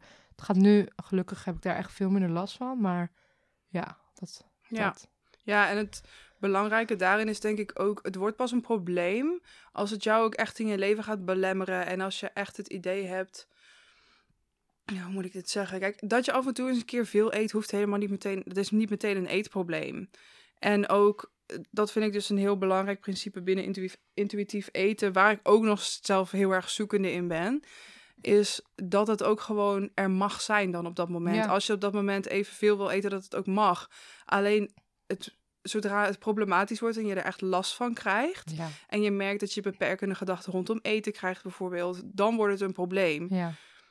Ehm, maar om dat midden daarin te vinden, vind ik nog steeds soms best wel een uitdaging. Ja, sowieso het realisatiemoment had ik dat ik op een gegeven moment dacht... vrienden van mij die geen eetproblemen hebben, die eten ook wel eens gewoon een hele Ja. zak chips op. Ja, En bij mij werd het dan heel snel een eetbui in mijn hoofd. Ja. Terwijl inderdaad nu ik veel meer eh, begrijp van... eh, ja, dat doe ik nog steeds wel eens, maar dat, ja, er zit niet meer allemaal zoveel achter. En Ja, Ja. en soms, ik weet niet of jullie dat ook herkennen, maar bij mij is het soms ook hormonaal. Dus heeft het ook inderdaad te maken met mijn, eh, met mijn menstruatiecyclus. ja, Eh, waar, en ik weet ook heel goed ondertussen, omdat ik mijn cyclus heel erg bijhoud, wanneer ik eetbuien krijg. En dan eetbuien in mijn eh, geval zijn niet hele extreme. Ik stop alles wat los en vast zit in mijn mond. Maar meer van, oh, ik heb heel veel zin in zoet. Dan ga ik chocola. uit. Oh, ik heb heel veel zin in zout. Dan ga ik weer dit eten. Dus dat je de hele tijd eigenlijk onverzadigd bent. ja, ja. ja. Ehm, Maar dat kan, ik weet niet of jij ze zo hebt gehad dat je inderdaad... eh, ik heb een vriendin bijvoorbeeld, die heeft echt gehad dat ze dan... Maakt echt ondertussen helemaal niet meer uit wat ze at. Hm. Ze stopte maar gewoon eten naar binnen, ook als het eigenlijk praktisch oneetbaar was. Nee, dat, ja, dat, dat, ik heb dat heel veel gehoord, maar ik heb dat zelf niet echt gehad. Het was bij mij, en nog steeds wel eens hoor, als ik gewoon heel erg overwhelmed was, dan at ik vanuit dus de handeling alleen al, dus echt gewoon wegstoppen. Maar ik heb, ja, ik heb niet, ehm, ik heb me wel eens misselijk gegeten. Ik heb ook wel eens buikpijn gehad of zo, maar niet, eh, nee, dat, nee, dat herken Nee. ik zelf niet. Ja, wat voor mij... Ik heb bij sommige dingen soms echt een bepaalde Pavlov-reactie met eten. Want als ik bijvoorbeeld... ehm, ik, eh, ik ben nog wel regelmatig bij mijn ouders thuis, omdat het heel dichtbij mijn werk is, waar ik op maandag en dinsdag podcasts maak. En dat scheelt mij heel veel reistijd. Vanwege mijn vermoeidheid is dat handig. En ehm, vroeger had ik heel vaak als ik uit school kwam, dan at ik altijd, dan ging ik naar mijn slaapkamer en dan ging ik iets op tv opzetten en dan at ik chips met chocola. En nu iedere keer als ik dan thuis kom aan het einde van de dag en ik heb een beetje honger dan, en ik ga op mijn bed zitten of zo, dan krijg ik automatisch zin in dat eten. En het is ook altijd bij mij een bepaald textuur, denk ik. Moet altijd dan iets crunchies hebben en iets semi-zachts of zo met nog een beetje bite. En het, ik, ik kan er niet zo goed de vinger op leggen. Het- hebben jullie bepaalde dingen die jullie daarin triggeren bijvoorbeeld? Want bij mij is het dus echt eh, dat als ik in een bepaalde omstandigheid ben, dat ik ineens zin krijg, dan is de chips maar één voorbeeld hoor. Dat kunnen meerdere dingen zijn. Ehm, hebben jullie bepaalde triggers daarin? Of een gevoel wat je krijgt, of eh, dat je als, als reactie zeg maar gaat eten? Of juist niet gaat eten? Ja, ik heb nog steeds wel, als er bijvoorbeeld gewoon als de tafel helemaal vol met heel Ja. veel lekkers staat, vooral met vrienden, en het is Ja. ook gewoon heel ontspannen en gezellig, dan, ehm, ja, dan heb ik nog steeds wel een soort van alles of niks gevoel soms. En dat gaat steeds beter hoor, maar ja, ik denk daarbij ook dus heel vaak van, ja, ik kijk dan om me heen en al mijn vrienden zitten ook echt heerlijk te kanen. En ja, vroeger zou ik dat dan wat meer omschrijven als problematisch van mezelf, maar nu denk Mhm. ik, ja... Maar ik, heb het, ik merk het wel nog steeds. Dat het dan allemaal zo wordt neergezet. En dan kan Ja. ik bijna niet wachten om dan mijn hele bord vol te laden. Buffetten. En zo heb ik Ja. het ook bij. Oh, bijvoorbeeld buffetten ook. Brunch, brunch, Brunch. ja, buffetten. Al je kunt eat-achtige Ja. situaties. Ja, ik was laatst in mijn, in mijn eentje in een hotel op Vlieland en dan hadden ze echt een insane ontbijtbuffet. Echt Oh. alles wat je maar kon wensen. Maar ik vind het dus ook... Ik heb altijd al een voorkeur gehad voor tapasachtig Ja, eten. Ja, ik ook. Gewoon zoveel mogelijk smaken. dingen. Ja. Dus voor mij is een buffet echt de hemel. ja, voor Maar- mij ook. Maar ja, dat betekent dus wel dat ik kan daar echt... Ik kan wel weten, oh hier heb ik zin in, hier heb ik zin in. Maar maat houden is Hmm. daar moeilijk. Kijk, ik kom niet met drie borden terug. Maar ik kom wel altijd met te veel van wat ik eigenlijk op kan. En dat komt er gewoon voor omdat ik denk, ja, maar ik wil gewoon alles proeven. En Ja, alles. eh, Ja, en dan zit, ik herken dat, maar dan zit er denk ik toch nog ergens in je hoofd, wat ik dan ook heb. Ja, maar nu is het er. Ja. Dus nu kan ik het pakken. Ja. Ja. En misschien, en dat zit er bij mij ook heel erg in. Ik heb vaak heel erg weinig energie. Dus ik heb ook heel erg weinig energie om eten te maken. Hmm. Dus als er dan een bepaald ding staat, kan ik het niet thuis zomaar na gaan maken of zo. Dus dan denk ik van, ja, oh ja, nu moet ik het pakken, want nu, eh, en ik verdien het ook. En Nu is het al gemaakt Eh, voor me. Ja, dat. Ja. En nou, ja, ik weet niet. Het, het is nog steeds iets wat ik aan het onderzoeken ben. En, en herkennen jullie ook dat bepaalde bijvoorbeeld eh, emoties die je ervaart of bepaalde dingen die worden gezegd door andere mensen, dat die heel triggerend kunnen zijn Heel voor misschien niet eens dat je gaat eten, maar dat je weer bepaalde gedachten ervaart over jezelf. Of Heel erg. ja, ik ook hoor. Maar Eh, Ja. ik- als ik kijk naar bijvoorbeeld alle triggers die... Nou, eerst eens even over triggers die eh, door andere mensen worden gezegd. Als andere mensen het hebben over even lekker losgaan, even mezelf, even streng zijn voor mezelf. eh, dieetpraat. Oeh, wat ben ik... Dieetpraat. Dieetpraat, ja. Oeh, wat Ja. ben ik slecht bezig. Hmm. Nee, nee, nou nog maar één blokje chocolade. Weet je, allemaal, allemaal alles omtrent dieetpraat inderdaad Ja. is triggering. Ja, same. Maar ook ja, beelden. Eh, Instagram is verschrikkelijk. Eh, Before-after foto's. Zo. Zo Ik wil eigenlijk gewoon een keer demonstratief een before en after foto maken. Waarbij ik eerst gewoon, weet ik veel, echt veel en veel dunner was. En Ja. diep ongelukkig, maar vaak. conventioneel aantrekkelijk. Ja. En dan nu gewoon een dikke lijf ernaast om- als gewoon protest. Het is Mm. zo schadelijk. Ja, Ja. Maar heel veel mensen doen het ook. Maar dat vind ik dus ook toch wel lastig om te zien. Dat ik denk, weet ik. oh, ik doe, dat is ook een beetje de reden waarom ik het niet Mhm. doe. Dus ik Ja. roep dit nu heel ongenuanceerd. Maar ja, maar ik snap wel je het is, ook, het is gewoon een beetje provocerend voor mij. Ja, omdat ik ja. die dingen gewoon zo ongelooflijk schadelijk vind. Ja. Voor mij eh, zijn de gewichten heel triggerend. Oh. En het maakt eigenlijk helemaal niet uit eh, of het Precies nou een een- kilo aantal en Ja. Ja, bijvoorbeeld als iemand zegt ik ben x aantal eh, afgevallen of aangekomen of ik weeg zoveel. Gewoon zodra ik een gewicht zie, dan heb ik paniek. Nog ja steeds. dat heb ik ook. Ja. Ja. Calorieën achterop verpakkingen vind ik ook heel lastig. Mhm. Dan moet ik echt mijn in- interne calculator niet de Mm, gang laten ja, gaan. Want ja. ik weet gewoon, doordat ik alles afwoog en optelde en helemaal uitrekende, Ja, en, eh, ja. weet ik eigenlijk van alles wel een beetje wat het is. En hoeveel calorieën het zijn, dat soort dingen. Ja, dat is heel lastig. Vind- Oh nee, verhalen over nieuwe diëten die aangegaan worden. Bijvoorbeeld op een verjaardag zitten en zeg maar de helft van de mensen hun telefoon pakken nadat we gegeten hebben. En dan iets invoeren in een app. En dan weet ik Oh, al.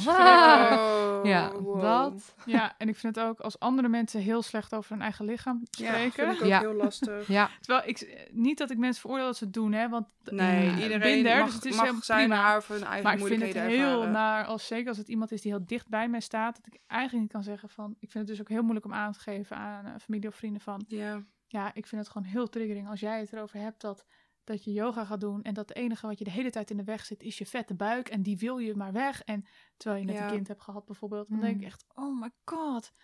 En Ja. ik vind dat heel triggering, want het, het is, ik snap wel dat het niet per se direct betrekking heeft op mij, maar het geeft wel een beeld af van, dit mag er dus niet zijn. Mijn Mhm. lichaam na een bevalling, of wat, of ook al is het niet een bevalling, hè, maar in dit geval, mag er niet zijn. Die buik, eh, een dikke buik mag er niet zijn. Dat is net als ik voel me dik. Daar heb ik ik wilde, dit is dik. precies wat ik wilde gaan zeggen, echt. Als, wat je er dus eigenlijk mee zegt, wat je er eigenlijk waarschijnlijk mee wil zeggen, is ik voel me of waardeloos, of lelijk, Zoveel of opgeblazen. Je kan van alles zijn. Ik zie er dik Maar je- uit, ja. kan je ook zeggen. Ook al is, hoeft dat geen negatieve connotatie te hebben, maar dat kan wel voor jou natuurlijk. Ja, maar wat je daar dus eigenlijk mee zegt, is ik zie eruit, ik vind dat ik eruit zie zoals jij. Ja, Ja. want ik ben dik. Wat echt fucking pijnlijk is. En mensen hebben dat vaak echt niet door dat ze dat zeggen. En ze bedoelen het ook niet op die manier. Maar als mens, ja, ik, ik weet niet, het is gewoon super pijnlijk voor mij als mensen tegen mij zeggen, ja, op een negatieve manier, ja, ik voel me zo dik. Ja, want het is nooit positief. Laten we nee, dat voorop dat is stellen. het Het dus. is altijd, oh, ik voel me zo dik. En dan vaak zijn het ook mensen die dunner zijn dan ik. Ja, Dus Ja. dan voel ik me en hun ja dat, grote... dan is het pijnlijk, ja. Ja, ik voel me zeg maar en hun grootste nachtmerrie. Maar ook inderdaad, ik weet inmiddels, er zit zoveel achter. En ik voel me dik. Ik, ik, ik kan ook dik niet zeggen...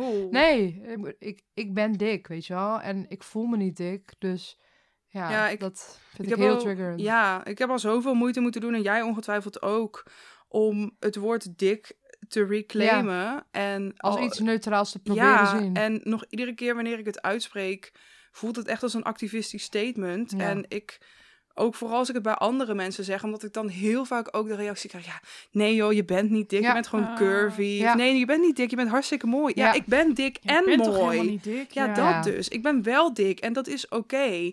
En als mensen dat dan vervolgens gebruiken om zichzelf op een vreselijk negatieve manier te omschrijven, dus het is gewoon echt heel erg pijnlijk, omdat je daar gewoon echt mee zegt, ik voel me vandaag zoals jij eruit ziet. Ja, En dan kunnen ze nog wel zeggen, ja, maar ik vind jou heel mooi, maar daar, daar, daar- dan is het leed al geschied. en er wordt dan ook vaak een soort kanttekening bijgezet van ja, maar mensen kunnen toch een negatief zelfbeeld hebben en vanuit daar weet ik uit eigen ervaring dat je echt je dik kan voelen, la la. la. ja, ja. En ja, ik weet dat inderdaad. Ik heb zelf ook een verkeerd vertekenend beeld gehad.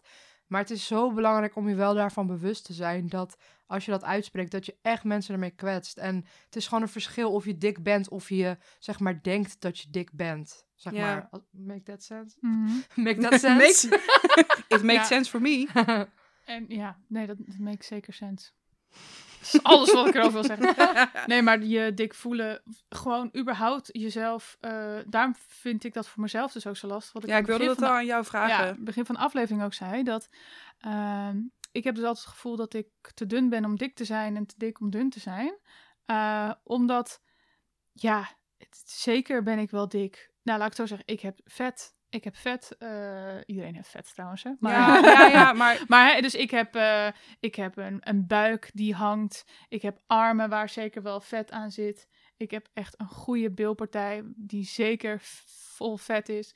Weet je wel, benen die breder zijn, schurende dijen, bijvoorbeeld. Allemaal dat soort dingen. Dus dat geeft aan dat ik dik ben. Ja, en je kunt misschien ook niet altijd bijvoorbeeld in reguliere winkels Precies, in jouw maat ja. kleding vinden, wat ook een goede indicator is. Ja, precies, inderdaad.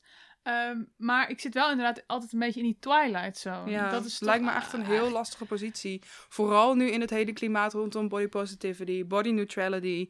Ehm, hoe, hoe voel jij je daarin, in die regionen? Ehm, ja, op zich, ik, ik, eh, wat ik heel erg belangrijk vind daarin, is dat ik eh, beelden zie die ik kan relateren aan mezelf. Ja. En dat is inderdaad wel vrij lastig. Want het is inderdaad, of je bent eh, heel erg dik, of je bent dun, of je bent zo, ja, hoe moet je dat zeggen? Dik, maar dan gewoon gestroomlijnd dik. Ja, zeg maar plus-size model. Plus-size model, Ja, ja. Op de juiste ja. plaats. Ja. Ja. Tussen aanhalingstekens. Ja, dat, ja. Mag er En, natuurlijk eh, ook zijn. Maar het is, ja, niet, zeker. het is niet de enige vorm van Maar het is meer dat dat, ja. dat dan heel erg wordt, wordt ja, Gepromoot. Ook, ja. gepromoot. En dat Ja. zie je dus ook heel veel. En Ja. ik zie dus niet zo heel erg veel mensen met mijn lichaamsbeeld. Eh Howling Wolf is iemand die ik eh, vergelijkbaar met mijn lichaamsbeeld. Dus ik vind het dus fijn om wel mensen te volgen eh, die ver... Alleen het is ook een beetje fucked up, want het zorgt er soms ook voor dat ik denk... Oh ja, maar die heeft toch net iets mooier dit of dat. Ja. Of die, oh ja, Ja. dat is wel fijn om zo dik te zijn, Ja. bijvoorbeeld. Wist je Hè? dat er binnen de hele fat community, dus de dikke commu- community, ehm, zijn er bepaalde benamingen voor hoe dik je bent. Mhm. En dit klinkt nu heel verkeerd, maar het is eigenlijk een positief ding. Ehm, omdat je daarmee ook bepaalde privileges erkent, omdat... eh, nou ja, bijvoorbeeld verschillende categorieën. Je hebt small fat, medium fat, ehm Super eh, vet. super fat, infinity fat. Ja, dat wist Ehm, ja. Ja. Maar bijvoorbeeld, ik weet dat Ed Howlingwolf, trouwens een fantastisch mens, ga haar even opzoeken op Instagram. Ehm, die schaart zichzelf onder small fat. En ehm, als small fat persoon kan je zo af en toe nog wel en soms meestal niet bijvoorbeeld kleding vinden in de reguliere winkels. Dus je kan niet zomaar een H&M binnenlopen om een shirtje te kopen, maar Monkey bijvoorbeeld lukt nog wel. Soms. Soms, soms. Ehm, en hoe dikker je wordt, hoe minder privileges je daar ook in ervaart. Want ook binnen de hele dikke community, kijk, of je nou een small fat bent of een infinity fat. Infinity fat is als je, ja, Nooit in een, eh, eh, bijna nooit in een stoel past in een restaurant. bijvoorbeeld. Ja. Überhaupt nooit eh, kleding in de winkel kan Nee. En dat die Ja. vaak ook nog bijvoorbeeld speciaal op maat gemaakt moet worden Ja, voor jou. ja. Dus misschien is het voor jou en voor de mensen die luisteren en die zichzelf herkennen in Bowie's verhaal van waar val ik er nu eigenlijk in, goed om je daarin te verdiepen. Ja, ja, dat is goed. Ik wist helemaal niet dat Ja, het ik zou dan zeggen dat jij denk ik een small, Small fat, fat. bent. Ja. En Een ik, small fat. You just reclaimed it. Ja, precies. I'm super small fat. Ehm, XS. eh, Ja. small. ja, maar dat zorgt er inderdaad wel voor dat je soms eh, dat ik eh, kijk ik ben zit niet heel erg diep in de movement dus het is niet dat ik denk ik val er zo erg buiten maar eh, het zorgt er wel voor dat ik denk ja hoor ik nou ergens bij of Ja. niet Mm, ja. Ja, het is een beetje wat ik had met mezelf disabled noemen. ja precies Want ik eh, had laatst nog een, een gesprek met iemand. Eh, die persoon zit in een rolstoel. En we hadden het over validisme en over ehm, de strijd tegen validisme. Validisme is ehm, discriminatie van personen met een beperking. Ehm, of met bijvoorbeeld ehm, eh, psychische problemen. Ehm, en ik zei ook, ik praatte heel erg in de jullie en jij voor me. En ik schaarde mezelf er totaal niet onder. En diegene wees me daar ook op. En die zei allereerst, ehm, ik weet dat je het goed bedoelt, maar ik vind het niet zo fijn als je praat in de jij, jullie termen, omdat het heel erg othering voelt. En andersom bedacht ik mezelf ook, ik val ook gewoon onder de disabled community. En ehm, het is niet zo dat er nou ineens een groot hemels licht boven mij openging en dat ik werd opgenomen eh, onder een grote regenboog met allemaal personen met een of andere beperking. En dat we met z'n allen daar nog lang en gelukkig leefden. Maar het geeft zoveel meer helderheid en kracht. En het voelt toch alsof je ergens in thuis wordt en of je samen ergens voor strijdt. Ja. En je, ja, ik weet niet. Voor mij heeft het toch wel echt geholpen, al is het alleen maar gevoelsmatig. ja. Dat ik over mezelf mag zeggen dat ik daartoe hoor. Want ook ik dacht altijd, ja, maar voor mij is het niet erg genoeg. ja Hmm. precies ja, ja Wat- ik wat ben niet ook dik genoeg, nergens of ik op slaat. Ja, ik genoeg. ben- ja. Ik ben niet ziek genoeg. Of ik Ja. ben niet dik genoeg. Ja. Want jij, Lisa, eh, hebt ook een eh, sportgroep, hè? De Dikke Vinger. Ja, En, ja, die, eh, ga ik, die ben ik aan het oprichten. Ja, Ja, in maar hij, ja. die best- hij bestaat ook, Ja. zeg maar, de organisatie Ja. bestaat ook. Ja. En dat is bijvoorbeeld precies een plek waarvan ik denk, ja, de dikke vinger. Ik ben denk ik te dun voor de dikke vinger. En eh, dat ik dan, niet dat dat zo is, hè, maar dat ik dan het gevoel heb van, ja, zou ik überhaupt bij de dikke vinger mogen? Ben ik Mm. dan wel dik genoeg Ja. eigenlijk? Eh zulke soort situaties. eh, Ja. Terwijl, ja, dat is natuurlijk misschien, ik, jij kan vertellen, ben ik dik genoeg voor de dikke vinger? Nou, dan moet je even nu op de weegschaal. Ja. Die heb ik niet, dus dat is Trigger, wel moeilijk. trigger, nee. Alleen een keukenweegschaaltje Oh, dat- voor bakken. Die gaat tot 10 kilo. Totally Ja. my size. Jouw teen. Nee, ehm, nee, die grap maken we dus altijd. Want we ge- krijgen die vraag best wel vaak. En dat vind ik ook een hele goede vraag. Want dat snap ik heel goed.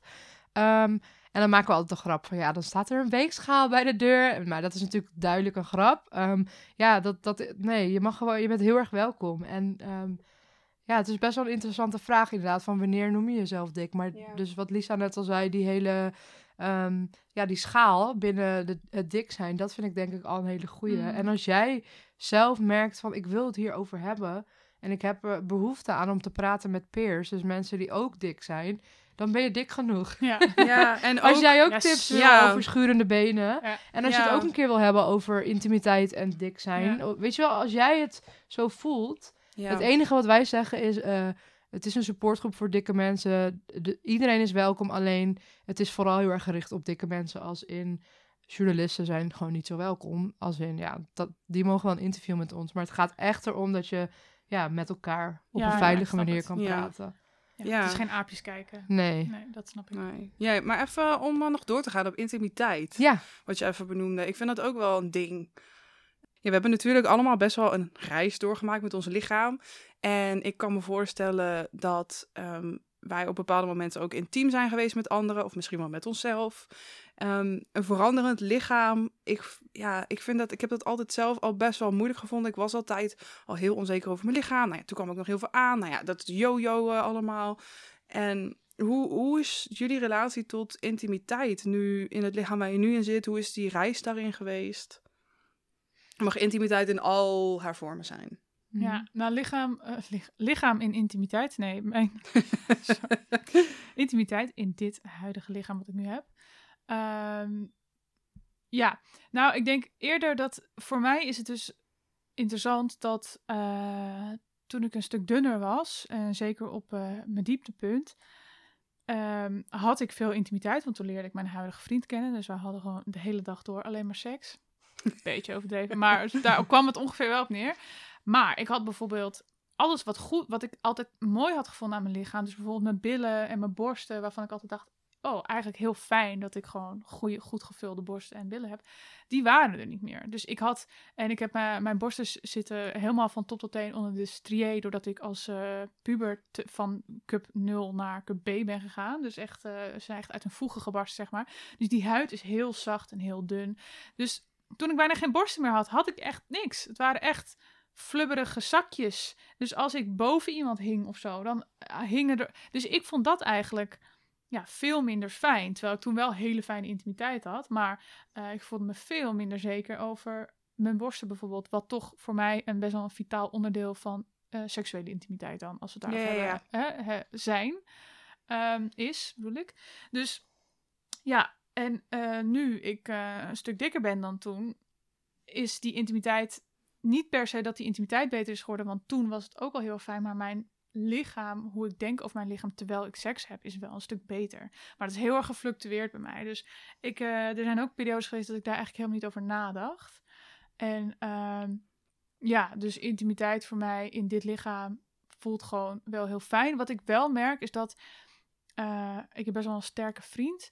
En die, eh, zeg maar, hoe zwaarder ik word, hoe moeilijker het wel wordt om mij op te tillen, bijvoorbeeld. Dus dat soort moves, van als iemand me tegen de, tegen de muur aan optilt of me op een bed gooit of zo. Ja, dat hangt af van de sterkte van degene met wie je seks hebt. Maar eh, die worden wel minder vrij Ja. hoe zwaarder je wordt, zeg maar. Dat merk ik wel. En ehm, ja, dat vind ik dus ook wel. Hij, hij kan het gelukkig nog, maar eh, ja, dat vind ik er wel lastig aan. Dat ik denk, oh ja, je bewegingsvrijheid wordt eigenlijk beperkt. Ja. En dat is natuurlijk juist fijn als je in bed of waar je dan ook seks hebt, niet hoeft na te denken over je bewegingsvrijheid. Ja. Maar ik weet niet of jullie dat ook Ja, dat herken ik heel erg. Is Ik herken het ook. Ja, ik ben nu op mijn zwaarst en ik heb ook nog heel erg last van mijn vermoeidheidsklachten. En dat heeft ervoor gezorgd dat ik van behoorlijk veel sporten en heel veel bewegen naar totaal niet meer bewegen ging. Waardoor ik best wel stijf ben geworden, wat ik af en toe echt heel erg vervelend en lastig vind. Maar ook doordat ik zwaarder ben geworden, ja, mijn buik zit gewoon meer in de weg. Ehm, ik ben minder flexibel. Ik heb eh, wat meer vet bijvoorbeeld op mijn rug dan ik eerst had, waardoor ik minder goed om kan draaien. En ehm, zowel in het dagelijks leven als in intieme situaties is dat gewoon niet altijd handig. Want ik ben mijn complete flexibiliteit verloren. En ehm, ik heb wel eigenlijk mijn hele leven lang al heel veel moeite met mijn lichaam in intieme situaties. Terwijl ik heel veel van mezelf hou. Maar ik heb heel lang en soms nog steeds wel het gevoel gehad dat mijn lichaam niet van mij was. Ik, heb, uh, ik ga zo niet in detail treden, maar ik heb hele vervelende um, ervaring gehad toen ik nog jonger was op het gebied van seksuele intimidatie. En dat was eigenlijk mijn eerste kennismaking met intimiteit. Mm. En um, sindsdien heb ik heel veel moeite om mezelf te zien als een seksueel wezen überhaupt. Als een, uh, als een sensueel iemand die seksueel actief is of die intiem uh, kan en wil zijn. En um, dat merk ik nu ook nog extra, doordat ik dus altijd zo ongelooflijk vermoeid ben, dat ik gewoon bijna niet meer moet denken aan poespas aan mijn lichaam. En uh, dus daarin merk ik het wel heel erg. En ik ben in die situaties dan soms ook nog wel redelijk veroordelend tegenover mijn lichaam. Omdat natuurlijk, je voelt alles dan heel erg. En ik voel mijn buik bijvoorbeeld hangen. Mm. En um, toch, mijn vriend heeft me er wel heel erg in geholpen. Want hij, ja, hij vindt mij fantastisch. Hij vindt mijn lichaam fantastisch. En als ik met hem bijvoorbeeld knuffel, dan vergeet ik mijn eigen oordelen over mm. mezelf. En ook als ik me gewoon door de wereld beweeg, heb ik eigenlijk niet zoveel oordelen meer over mezelf. Maar vooral op die momenten ben ik er zo hyper bewust van, um, dat me dan soms wel in de weg zit, ja. Ik weet hoe, hoe is dat voor jou, Lisa? Ja, ik denk als je altijd opgroeit met dus een super slecht negatief zelfbeeld, wat ik had, lichaamsbeeld. Um, ja, seks was altijd voor mij iets wat er een soort van bij hoorde. Het voelde als een soort moeten. En ik ben ook, ik heb dan weer een verhaal als in, ik ben heel lang, uh, had ik geen idee dat ik queer ben. dus ik heb vijf jaar een relatie gehad met een man en ik had toen geen idee. En toen was ik ook, ik zat helemaal niet lekker in mijn vel. En dus toen was het echt zo dat, ja, dat uh, altijd in het donker seks hebben en gewoon niet naakt durven zijn. En ook niet eens mijn eigen lichaam naakt durven bekijken. En ja, er waren verschillende factoren hoor. Maar uiteindelijk werd ik verliefd op een meisje. En toen had ik voor het eerst seks met een vrouw. En dat was een dikke vrouw ook. En ik was toen zelf ook dik. En dat was echt een soort van revolutie in bed. Literally. Literally. Ik dacht echt, wow, omdat ik voor het eerst in mijn leven... Dit gaat dan even heel erg over dik zijn, maar het gaat natuurlijk... Omdat, het, omdat ik dik ben, gaat het bij mij heel erg hand in hand met ja, dat lichaamsneutraliteit en mezelf, mijn lichaamsbeeld. Ik dacht gewoon, ik ben voor het eerst de norm in bed. Dus we waren met z'n tweeën gewoon... We waren allebei dik en het was geen ding. En ik, ik voelde me daarin zo vrij en later, nog steeds heb ik dat eigenlijk wel. Als ik met een dik persoon seks heb, dan voel ik me echt, um, dat, dan ontstaat er echt voor mij een soort magie. Um, en daar bij mij, ja, er kwam bij mij ook zoveel meer, bijvoorbeeld dat ik mijn queerness heel erg heb omarmd, heeft bij mij heel veel gedaan. Doordat ik bijvoorbeeld uh, rollen durfde uit te proberen die ik eerder niet durfde. Dus ik voel me nu eigenlijk zoveel meer vrijer in mijn lijf en in, binnen seks. En ja, dat, ik kan soms nog steeds niet helemaal in woorden vatten hoe vrij ik me nu voel. Maar ik durf gewoon. Ja, ik durf echt in alle posities bij iemand te hangen. En weet je, alles hangt. En dat. Ja, daar denk ik dan gewoon niet over na. Want ik zie mezelf nu inmiddels zo als seksueel en als, ja, heet. zeg maar. Ben je ook. Dus Terecht. Dank. Terecht. dus uh, voor mij was uh, ja, het hele queerness ook omdat er...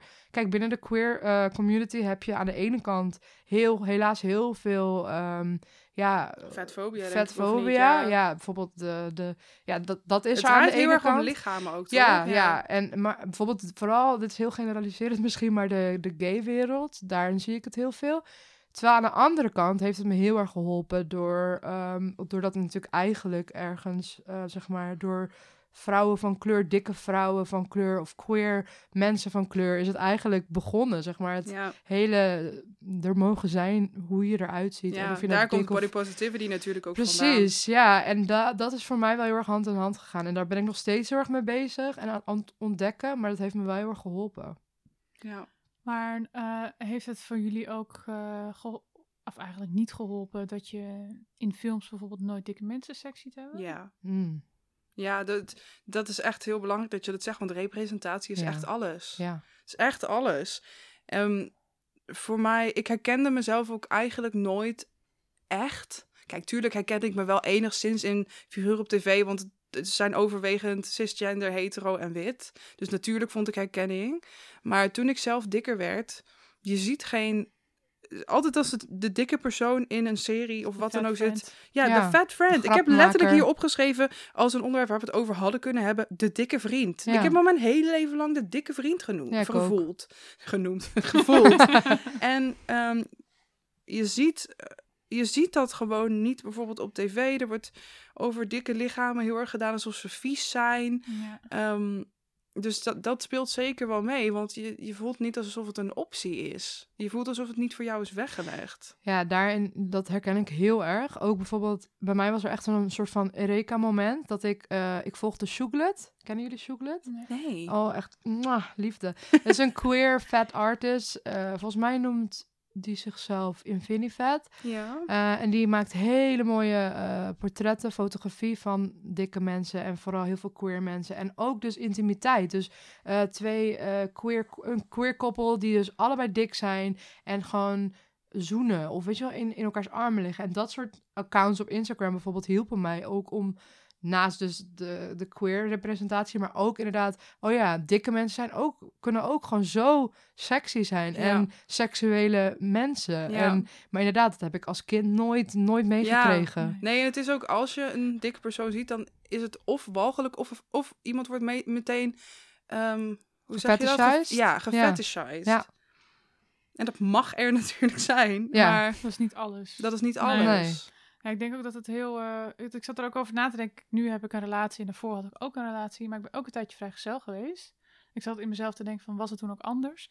En ik denk ook wel dat het heel erg helpt dat... eh, ik moet heel vaak denken aan de film eh, Eat, Pray, Love, waar Julia Roberts in Ik had speelt. gisteren nog over die film. Nou ja, en dat ze... Niet zij- op een goede manier. Nee, ja, ze, ergens zegt zij, gaan ze op een gegeven moment, eh, zitten ze pizza te eten in Napels en dan wil eh, de vriend, haar vriendin wil geen pizza eten, want ze krijgt een muffintap. En dan zegt Julia Roberts zoiets van, eh, ja, heb je ooit jezelf uitgekleed voor een man en heeft hij, zich, heeft hij daarna gevraagd of je weg wil gaan? Nee, nou, dan eet je gewoon die pizza en morgen gaan we Big Girl Pants kopen of zoiets, zegt ze. Goed, je kan daar van alles over zeggen, maar waarom ik dit aanhaal is omdat ik denk, inderdaad, ik heb nog nooit in een kamer gestaan dat ik mezelf heb uitgekleed en dat een jongen toen zei, nee, sorry, nee, daar ga ik, nee, dit kan echt niet. Ja, of, Hier gaan we het niet mee doen. ik, heb- ja, ik heb ook dat ik denk, met kleren aanzien mensen dat ik dik ben. Dus Ja. naakt, ik ben, Precies. ik ben niet ineens Trek gewoon- vetsuit uit. Maar en, en dat is wel dus... Plot twist. ja, precies. Maar dat is dus wel iets waar ik soms mee te maken heb. Dat ik in sommige kleding, nu eh, ben ik iets dikker, dus is het iets minder eh, makkelijk te verbergen tussen haakjes. Hmm. Maar dat ik in sommige kleding er eh, dikker of minder dik uitzie. En waar ik, wat ik dan wel had, was dat mijn borsten in een BH, hartstikke leuk. Mm. Maar als ik die BH uittrek, door al die strié, ja, zijn ze echt niet die vorm. Dus dat was wel altijd iets waar ik onzeker over Ja. was.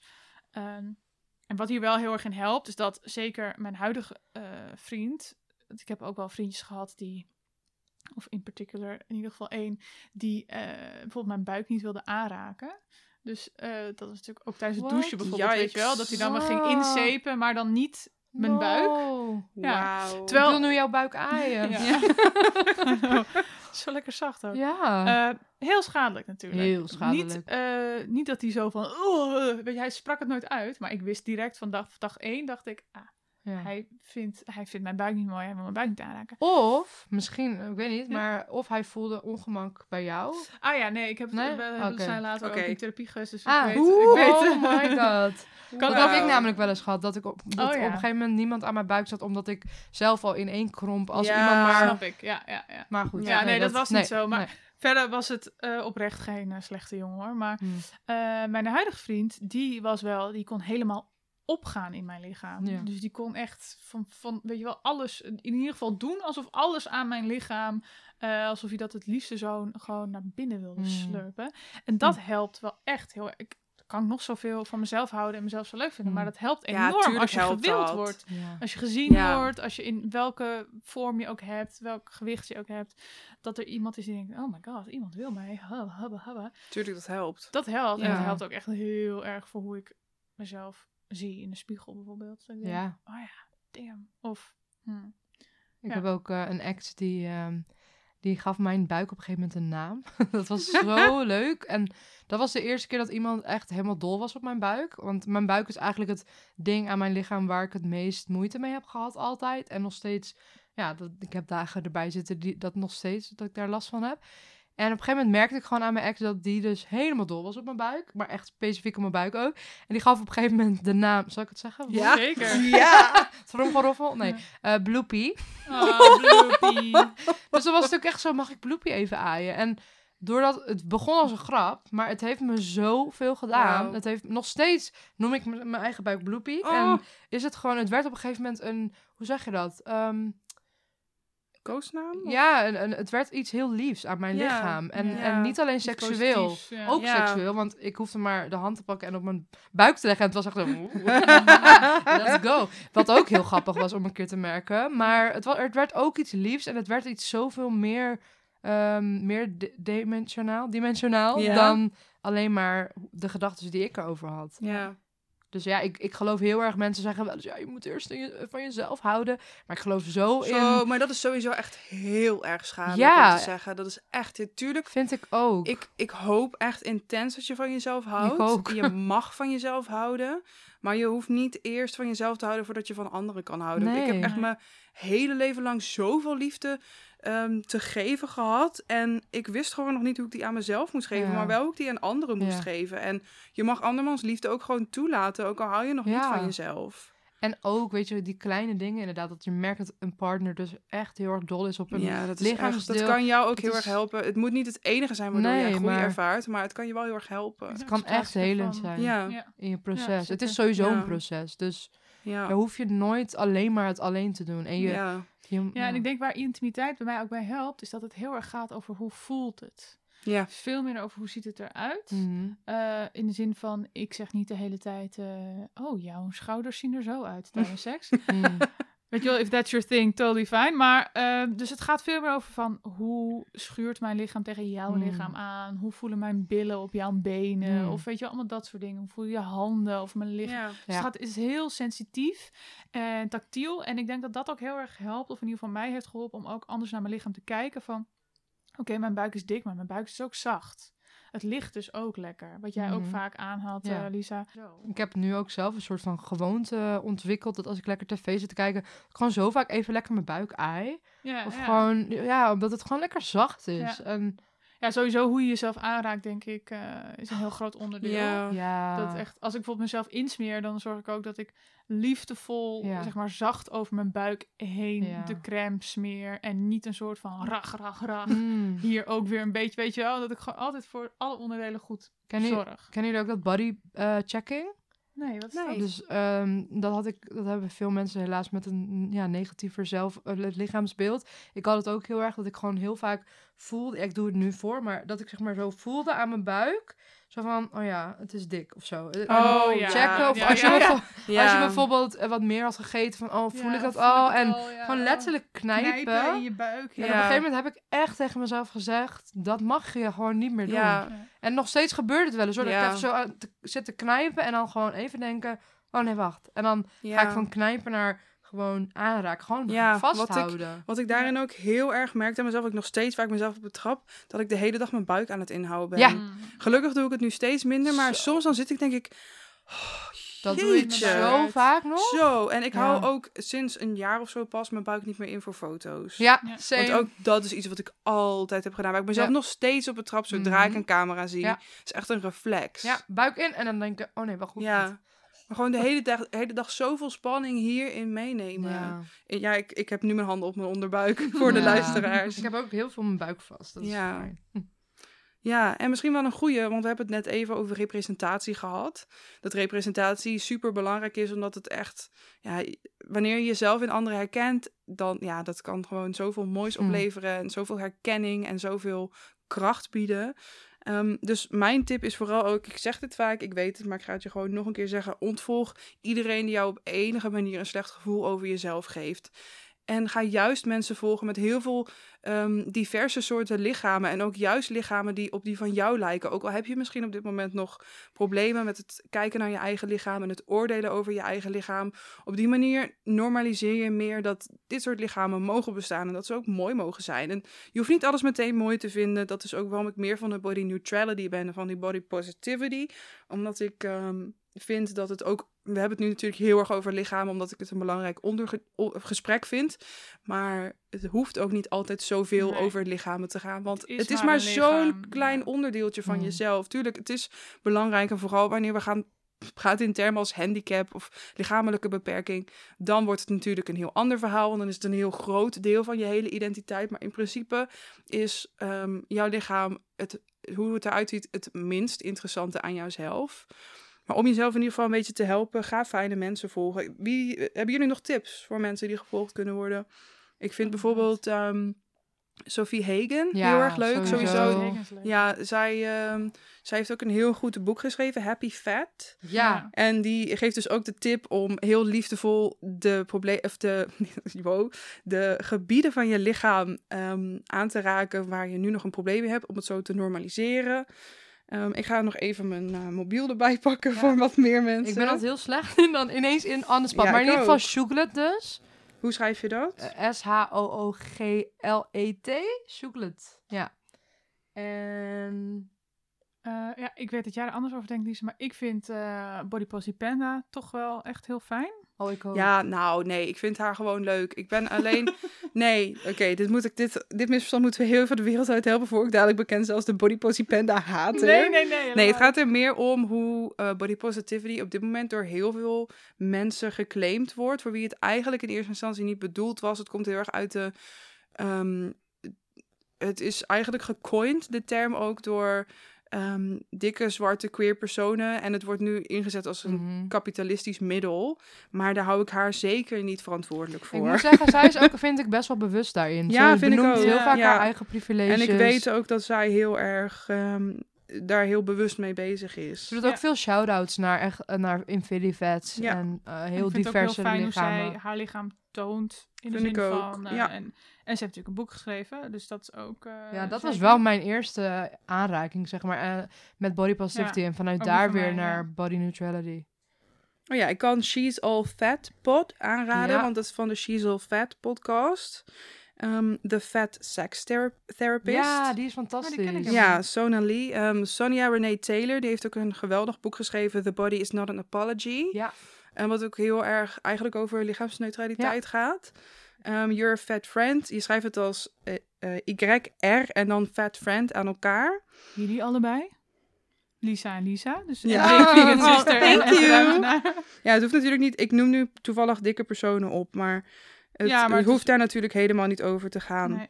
Mag ik hier ook nog, kan ik hier later nog even wat namen bij zeker, zeker. Ik denk dat ik gewoon een, een zo- postje voor ja. moet maken. Ik ben nooit zo goed in Ja. on the spot mensen noemen, Ja. maar ik, weet, ik volg wel echt fantastische mensen en het heeft me zo geholpen. Ja, En wat ik daar nog even over wou zeggen, inderdaad, want jij zei al van je hoeft het niet meteen mooi te vinden.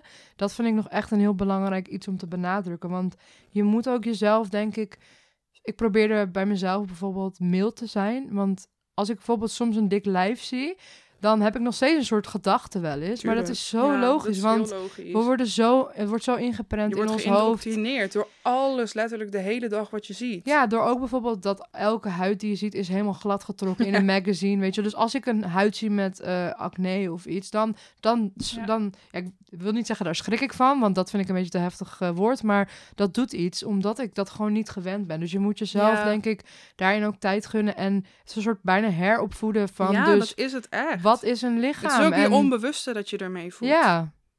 Dus dat eh, geef jezelf tijd. Maar Ja. volg wel echt veel.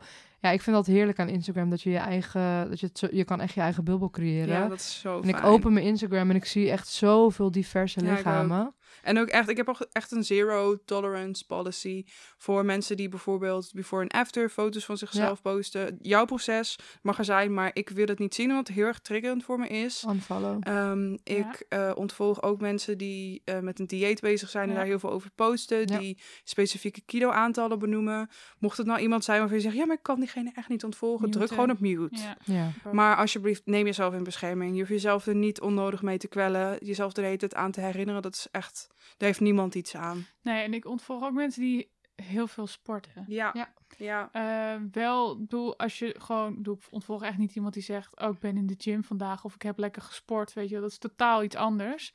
Maar iemand die inderdaad echt de hele tijd heel veel, ja, Dat het hun hele leven beheerst. En ja. het, het mag ook gewoon, want het is niet dat, we, dat ik daar dan een oordeel over heb Nee, van... nee, maar dat is het ook het niet. is ieders jezelf proces. beschermen. Ja, ieder proces mag zijn zoals het is. En ik bedoel, ik, ben, ik heb zelf ook dat ik nog helemaal in de diet culture zat. En, maar inderdaad, je mag jezelf gewoon beschermen. Want het is jouw Instagram en het is jouw Ja. social media. Dat. En we worden al de hele dag gebombardeerd met eh, onbe, eh, zeg maar ongewilde diet Ja, culture. zeker. Ja, maar je moet ook die verantwoordelijkheid nemen. Want niemand gaat het voor jou Nee. doen. Nee. Nee, en ik denk ook wel eens van, eh, als je het niet ziet, eh, maar je vindt wel belangrijk dat er representatie is en je durft het, kan je altijd nog zelf de representatie zijn. Ja, Ja, mooi. Wow, maar echt. Ja, dat Dus, eh, besefte ik me op een gegeven moment. Dat ik dacht, Ja, Ja. dat is bij jullie natuurlijk ook heel erg. In Ja. ieder geval, jij post, eh, ik bedoel, jij post dan geen naaktfoto's, maar dan ben je alsnog representatie. Maar jij laat ook wel eens je lichaam Mhm. naakt of semi, Ja. hè? Dus bijvoorbeeld Ja. je buik ontbloot bijvoorbeeld laat zien. ja. Dat is wel echt, denk ik, ik denk dat ook soms wel eens van, oh, ik zou het ook hartstikke tof vinden om eh, een fotoshoot te doen om te vieren dat dit lichaam er nu op dit moment Ja. zo Ja, uitziet. dat heb ik ook. Ja. Ja. En eh, dat kan je trouwens ook altijd nog doen. Hè? Er zijn echt ook fotografen die Ja. daar heel goed in zijn. eh, ja, om je daar- Anoushka, denk, ik- denk ik Ja. meteen aan Anoushka Minnaert. Dat is echt Oh, ja. een Ja. parel. Ja. En bijvoorbeeld ook eh, Soraya Amber. Die heeft ook ehm, eh, haar werkpagina heet at Amber and Wolf. Maar haar eh, persoonlijke pagina is eh Soraya laagstreepje Amber. En ehm, zij doet ook hele mooie, ja, je kan het boudoir shoots noemen, maar Mhm. dat, dat, dat vind ik ook altijd. Vaak zijn die ook weer heel gericht op heel sexy zijn en heel Mhm. erg. Maar zij, bij haar is, is het eigenlijk thera- bijna therapeutisch. Ja. Dus als je bij haar een foto doet, is het echt. eh, Ja, zij mooi. begeleidt je ook heel goed daarin. Ik heb zelf nog nooit eh, bij haar laten doen, maar wel wat ik ervan heb gehoord. En Ja. ook van wat ik van haar werk heb Ja. gezien. Dus gewoon eigenlijk bijna een soort van holistische fotografie. Wow. Dat is heel mooi. Nice. Dus echt heel. eh, dus die kan ik ook heel Ja. erg aanraden. Ja, Nou, over foto's gesproken, want dat heeft me heel erg geholpen ook. Want dit lijkt me sowieso Ja. heel gaaf om een keer te doen. Ja. Maar wat mij ook hielp, was gewoon foto's van mezelf maken. En Ja. dat lukte echt niet altijd. eh, om daar dan eh, neutraal naar terug te kijken. Maar door gewoon überhaupt ook vaak in de spiegel te kijken. En ik heb gewoon echt een paar keer die foto's die ik dus uiteindelijk deelde ook wel eens. Ik heb niet alles gedeeld, maar af en toe maak ik ook gewoon een foto voor mezelf. Zodat ik weet ja. hoe ik eruit zie van elke hoek Ja. en elke kant. En dat ja, dat, dat sowieso. Maar ook trainen. Maar jezelf toestemming geven om te verschijnen op foto's. Ja. Er zijn gewoon hele periodes uit mijn leven waarin ik zogenaamd niet besta. Ja. ja. Omdat ik mezelf niet goed genoeg vond om op de foto te gaan. Ja. En nu heb ik gewoon, als ik een foto zie, dan, vind, dan denk ik echt bijna nooit meer van... oh, ik zie er zo dik uit of ik zie er Nee, is nee. gewoon- Ik, ik denk vooral terug aan het moment Ja. dat ik toen had. van... oh, wat had- hadden we het daar leuk. En dat is ook een verademing, hoor. Mm, Zo. Zeker weten. Hey, tot slot, we hebben nog een paar vragen binnengekregen, maar volgens mij hebben we de meeste die op deze aflevering van toepassing waren wel beantwoord. Maar ik kreeg nog wel een andere hele ehm, leuke, mooie vraag. Ehm, want iemand vroeg om tips om eten weer als iets leuks te gaan zien. Dat vond ik wel een hele mooie om mee af te sluiten. Ik, eh, ik zie Lisa al driftig knikken. Ja, Eh, ik heb ben echt gezegend met zoveel fijne mensen om me heen die echt heel erg van eten houden. En die hebben mij zo geholpen. En ik weet dat je niet altijd eh, het voor het zeggen hebt, zeg maar. Ik heb ook heel lang eh, heel weinig vrienden gehad. Dus ik weet dat het soms makkelijker gezegd is dan gedaan. Zeg maar, omring jezelf met fijne mensen. Maar Doe even. Ja. ja, dat, Oké, dat, ja. even die kanttekening erbij. Maar ik heb wel echt geluk gehad dat ik dus fantastische vrienden heb... die allemaal ontzettend goed kunnen eten, maar ook echt... die mij nooit, zeg maar, dus eh shamen op hoeveel ik eet. En met hun heb ik gewoon een soort ding dat we gewoon zo vaak over eten praten. En zeg maar... ehm, gewoon obsessief zijn met eten en gewoon vieren dat we mogen eten. Elkaar foto's sturen van super lekker eten. Ehm, ik heb bijvoorbeeld ook ooit een keer een lijst gemaakt van eten, wat me heel erg doet denken aan mijn opa en oma. Omdat ehm, in mijn jeugd was, had ik natuurlijk al problemen met eten, maar er was één plek waar ik helemaal me super veilig voelde en dat was daar. En zij zijn namelijk ook echt hele erge Bourgondiërs en ja, zij gingen echt van eetplek naar eetplek. En dan gewoon bedenken van wat was nou eten waar ik blij van werd en waar weet je wel, waar werd ik echt helemaal... Ik vind het ook altijd een hele leuke vraag van... ehm, wat is jouw lievelingseten? Of wat vind Ja. jij de Ja. mooiste herinnering aan Ja. bepaalde eten? Kijk, en soms is dat eten wat ik nu niet meer eet. Bijvoorbeeld de kippensoep van mijn oma. Ik eet geen vlees meer. Maar ik kan er wel heel erg over nadenken. En dan krijg ik een warm gevoel in mijn Mhm. buik. Want eten is zoveel meer dan alleen maar brandstof. Het is ook Ja. een manier van vieren. En Ja, en ook eh, inderdaad eh, wat je bijvoorbeeld zou eten op je verjaardag. Als je denkt, oh Ja. god, zo lekker dat. Ja, en wat bij mij heel erg helpt, maar ik snap dat dat ook een trigger kan zijn om naar een restaurant te gaan. Ehm, en Mm. en je, je hebt natuurlijk geld daarvoor nodig. Eh, hoewel het natuurlijk al heel klein kan beginnen. Maar ja, ik heb heel veel plezier in uit eten gaan. En daar zit voor mij ook, zeker als je een keer de kans krijgt en het geld hebt om naar eh, wat chicere restaurants te gaan. Of naar bijvoorbeeld zelfs een sterrenzaak te gaan. Daar is eten gewoon een kunst. Ja. En je, weet je, het gaat Het is ten een eerste, hele ervaring ja, gewoon. en wat heel erg helpt, je bepaalt niet zelf wat je eet. Mhm. Dus je kan niet denken wat is gezonde, wat. Nee, je krijgt gewoon. En mensen hebben daar compleet over nagedacht. Over alles Hmm. wat je eet. En alles is gewoon zo ontzettend. Als je een goed restaurant hebt. Als je tips wil, mag je me altijd DM'en. Want ik heb duizend restaurants die ik. Maar die hele beleving, dat je daar Ja. zit, dat je kan genieten van eten, dat je ziet dat andere mensen om je heen ook zo. Zeker als je naast mij in het restaurant zit. Ik steek echt Oh. mijn vingers overal in. Ik ruik aan alles. Ik ga helemaal. Ik zit te Ik ga hummen gillen. en te. te- Ik doe dansjes altijd. Ja, ik ook. heel lekker Ik zit ook altijd in mijn stoel te dansen. En ik vraag ook gewoon heel vaak in een restaurant als ik bijvoorbeeld. ehm, ja, je kan horen, ik ga heel veel uit eten. Maar Hm. als ik dus uit eten ga en we, en we nemen dan bijvoorbeeld. eh, en er is alleen een chefsmenu. Dus dat betekent dat je gewoon krijgt wat de chef kookt. Vaak zijn dat meerdere gangen. En er is één gerecht waarvan ik echt soort van orgastisch word. Dan vraag ik ook gewoon, ja, ik wil gewoon nog een keer dit gerecht. nice. Ja. Gewoon, eh, en dat vinden ze al sowieso. Koks houden van mensen die Ja. van eten houden. ja. Ik ben ook echt gezegend met dat ik met een kok getrouwd ben. Maar dat is echt. Fantastisch. Hij heeft mij ook echt heel erg leren eten. Ook gewoon om. Alleen al is het zeg maar iets totaal anders dan bijvoorbeeld.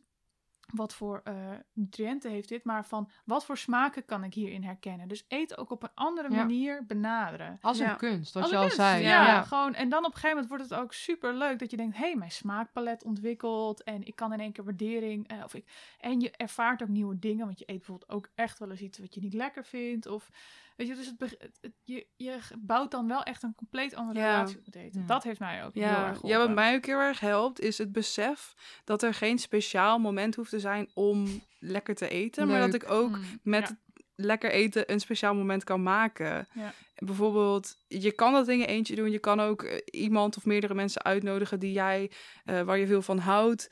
En het speciale moment en dus bijzondere herinneringen op dat moment maken. En Hmm. bij jezelf nagaan van wat zou ik nou echt lekker vinden. En juist bestellen of juist zelf gaan koken. Ehm, ja, ik weet niet. Dat, heb ik al, dat vind ik zelf altijd heel erg fijn. Dat besef dat ik... Ja, we zijn nu eenmaal nu inmiddels volwassen personen. En misschien had ik vroeger wel verwacht dat ik dan een hele snoepwinkel leeg zou kopen of zo. Maar Ja. nu, je mag alles zelf bepalen. En dat is gewoon... Je kan er op, dat, op die manier iets heel leuks en fijns van maken. En fijne nieuwe herinneringen maken. En we zijn volwassen, soort van, semi. Dus we hoeven nooit meer iets te eten wat we niet lekker vinden Dat s'avonds. ook. Ja, dat We komen helpt. nooit meer thuis en dan, ik heb dat dus bijvoorbeeld, nou, ik, ik woon ook alleen, dus ik eet elke avond lekker. Ja, heerlijk. Ja, en inderdaad, als ik zin heb in een taartje en het is gewoon een dinsdag, ik eet gewoon een taart. Ja. En een taartje. En ik eet gewoon een hele taart. Nee, maar dat is zo leuk en het is zo fijn om dat te Ja. kunnen doen en om momenten te vieren met eten. Dat Ja. is zo knus en gezellig. Ja, ja, en nogmaals, kijk, je hebt hier natuurlijk wel geld voor nodig, maar ook Ja. met een kleiner budget. Ehm, ik weet niet of je bijvoorbeeld veganwifi.com kent. Dat is een Oh, Nederlandse blog. Die maakt dus heel veel super lekkere budgetrecepten. Geweldig. Budget? Budget? Ja. Budget? Budget, Ja, budget. nou hè, jullie snappen me wel. Maar mocht je dus wat minder te besteden hebben, maar je zegt, nou, ik wil wel dus lekker koken, nou, dan zou ik daar eens naar gaan kijken. Ja. Of misschien Apple's Too Good To Go bijvoorbeeld. Dan kan je voor Mhm. een klein bedrag ehm, ergens iets afhalen. Wat dus ook heel leuk kan zijn, want je weet niet precies wat je krijgt. Ja. Je kan tegenwoordig ook een vegan filter selecteren, wat echt super nice is. En het is natuurlijk weer heel fijn, want eh, je helpt mee met zeg maar Ja, het minderen Minder van... voedselverspilling. Ja. ja. Nou, en misschien ook wel dit mooie Intuitive Eating Workbook. Ja. Ik denk dat daar ook wel een heleboel tips in staan. Ik denk dat dit hem was. Wauw. wel vragen. Ja. Ah, dit was hem. Zo ehm, Lisa, Bowie, heel erg bedankt voor alles wat jullie hebben gedeeld. Voor al jullie input, voor ehm, alle fijnheid. Ehm, Bowie kunnen jullie nogmaals vinden als Bowie Redman. heel goed. En als Redderingrood. En Lisa kunnen jullie vinden als de Ruimtenaar. Check ook zeker even de inclusiecards die Lisa heel binnenkort, waarschijnlijk als deze uitkomt, is die al gelanceerd. Ja. Lanceert. Dat, is een inclusieve wenskaartenlijn voor alle verschillende gelegenheden waar nu nog geen wenskaarten voor zijn. En mochten jullie nou zeggen, nou, ik vind het best wel leuk wat je allemaal doet, ik wil wel meer horen, dan kan je een van de vorige afleveringen beluisteren. We gaan ook nog een bonus episode opnemen, dus ehm, mocht je dan eh, zeggen, die wil ik horen, Ja. dat kan. Mm. Maar dan moet je wel. je. Er staat wel iets tegenover. Ik heb namelijk een petje.af account. En daarop kan je, ehm, allerlei, kan je allerlei, nee, kan je een donatie doen. Dat kan eenmalig of maandelijks zijn. En als je een maandelijke donatie doet, dat is dan eh, vanaf 3 euro. Dat is zodat mijn podcast kan blijven bestaan. Is bijvoorbeeld zodat ik reiskosten kan betalen. Want we zitten nu in Utrecht op te nemen. Ik heb hier betere microfoons van gekocht. Ik spaar nu voor transcripties, zodat mijn podcast toegankelijker wordt voor mensen met bijvoorbeeld eh, minder eh, die minder goed kunnen horen of die doof zijn, zodat zij ook meekrijgen wat we allemaal zeggen. Dan kun je dat daar doen en dan krijg je als tegenprestatie de bonusaflevering. Hey, super bedankt voor het luisteren en heel graag tot de volgende aflevering. Doei lieverds!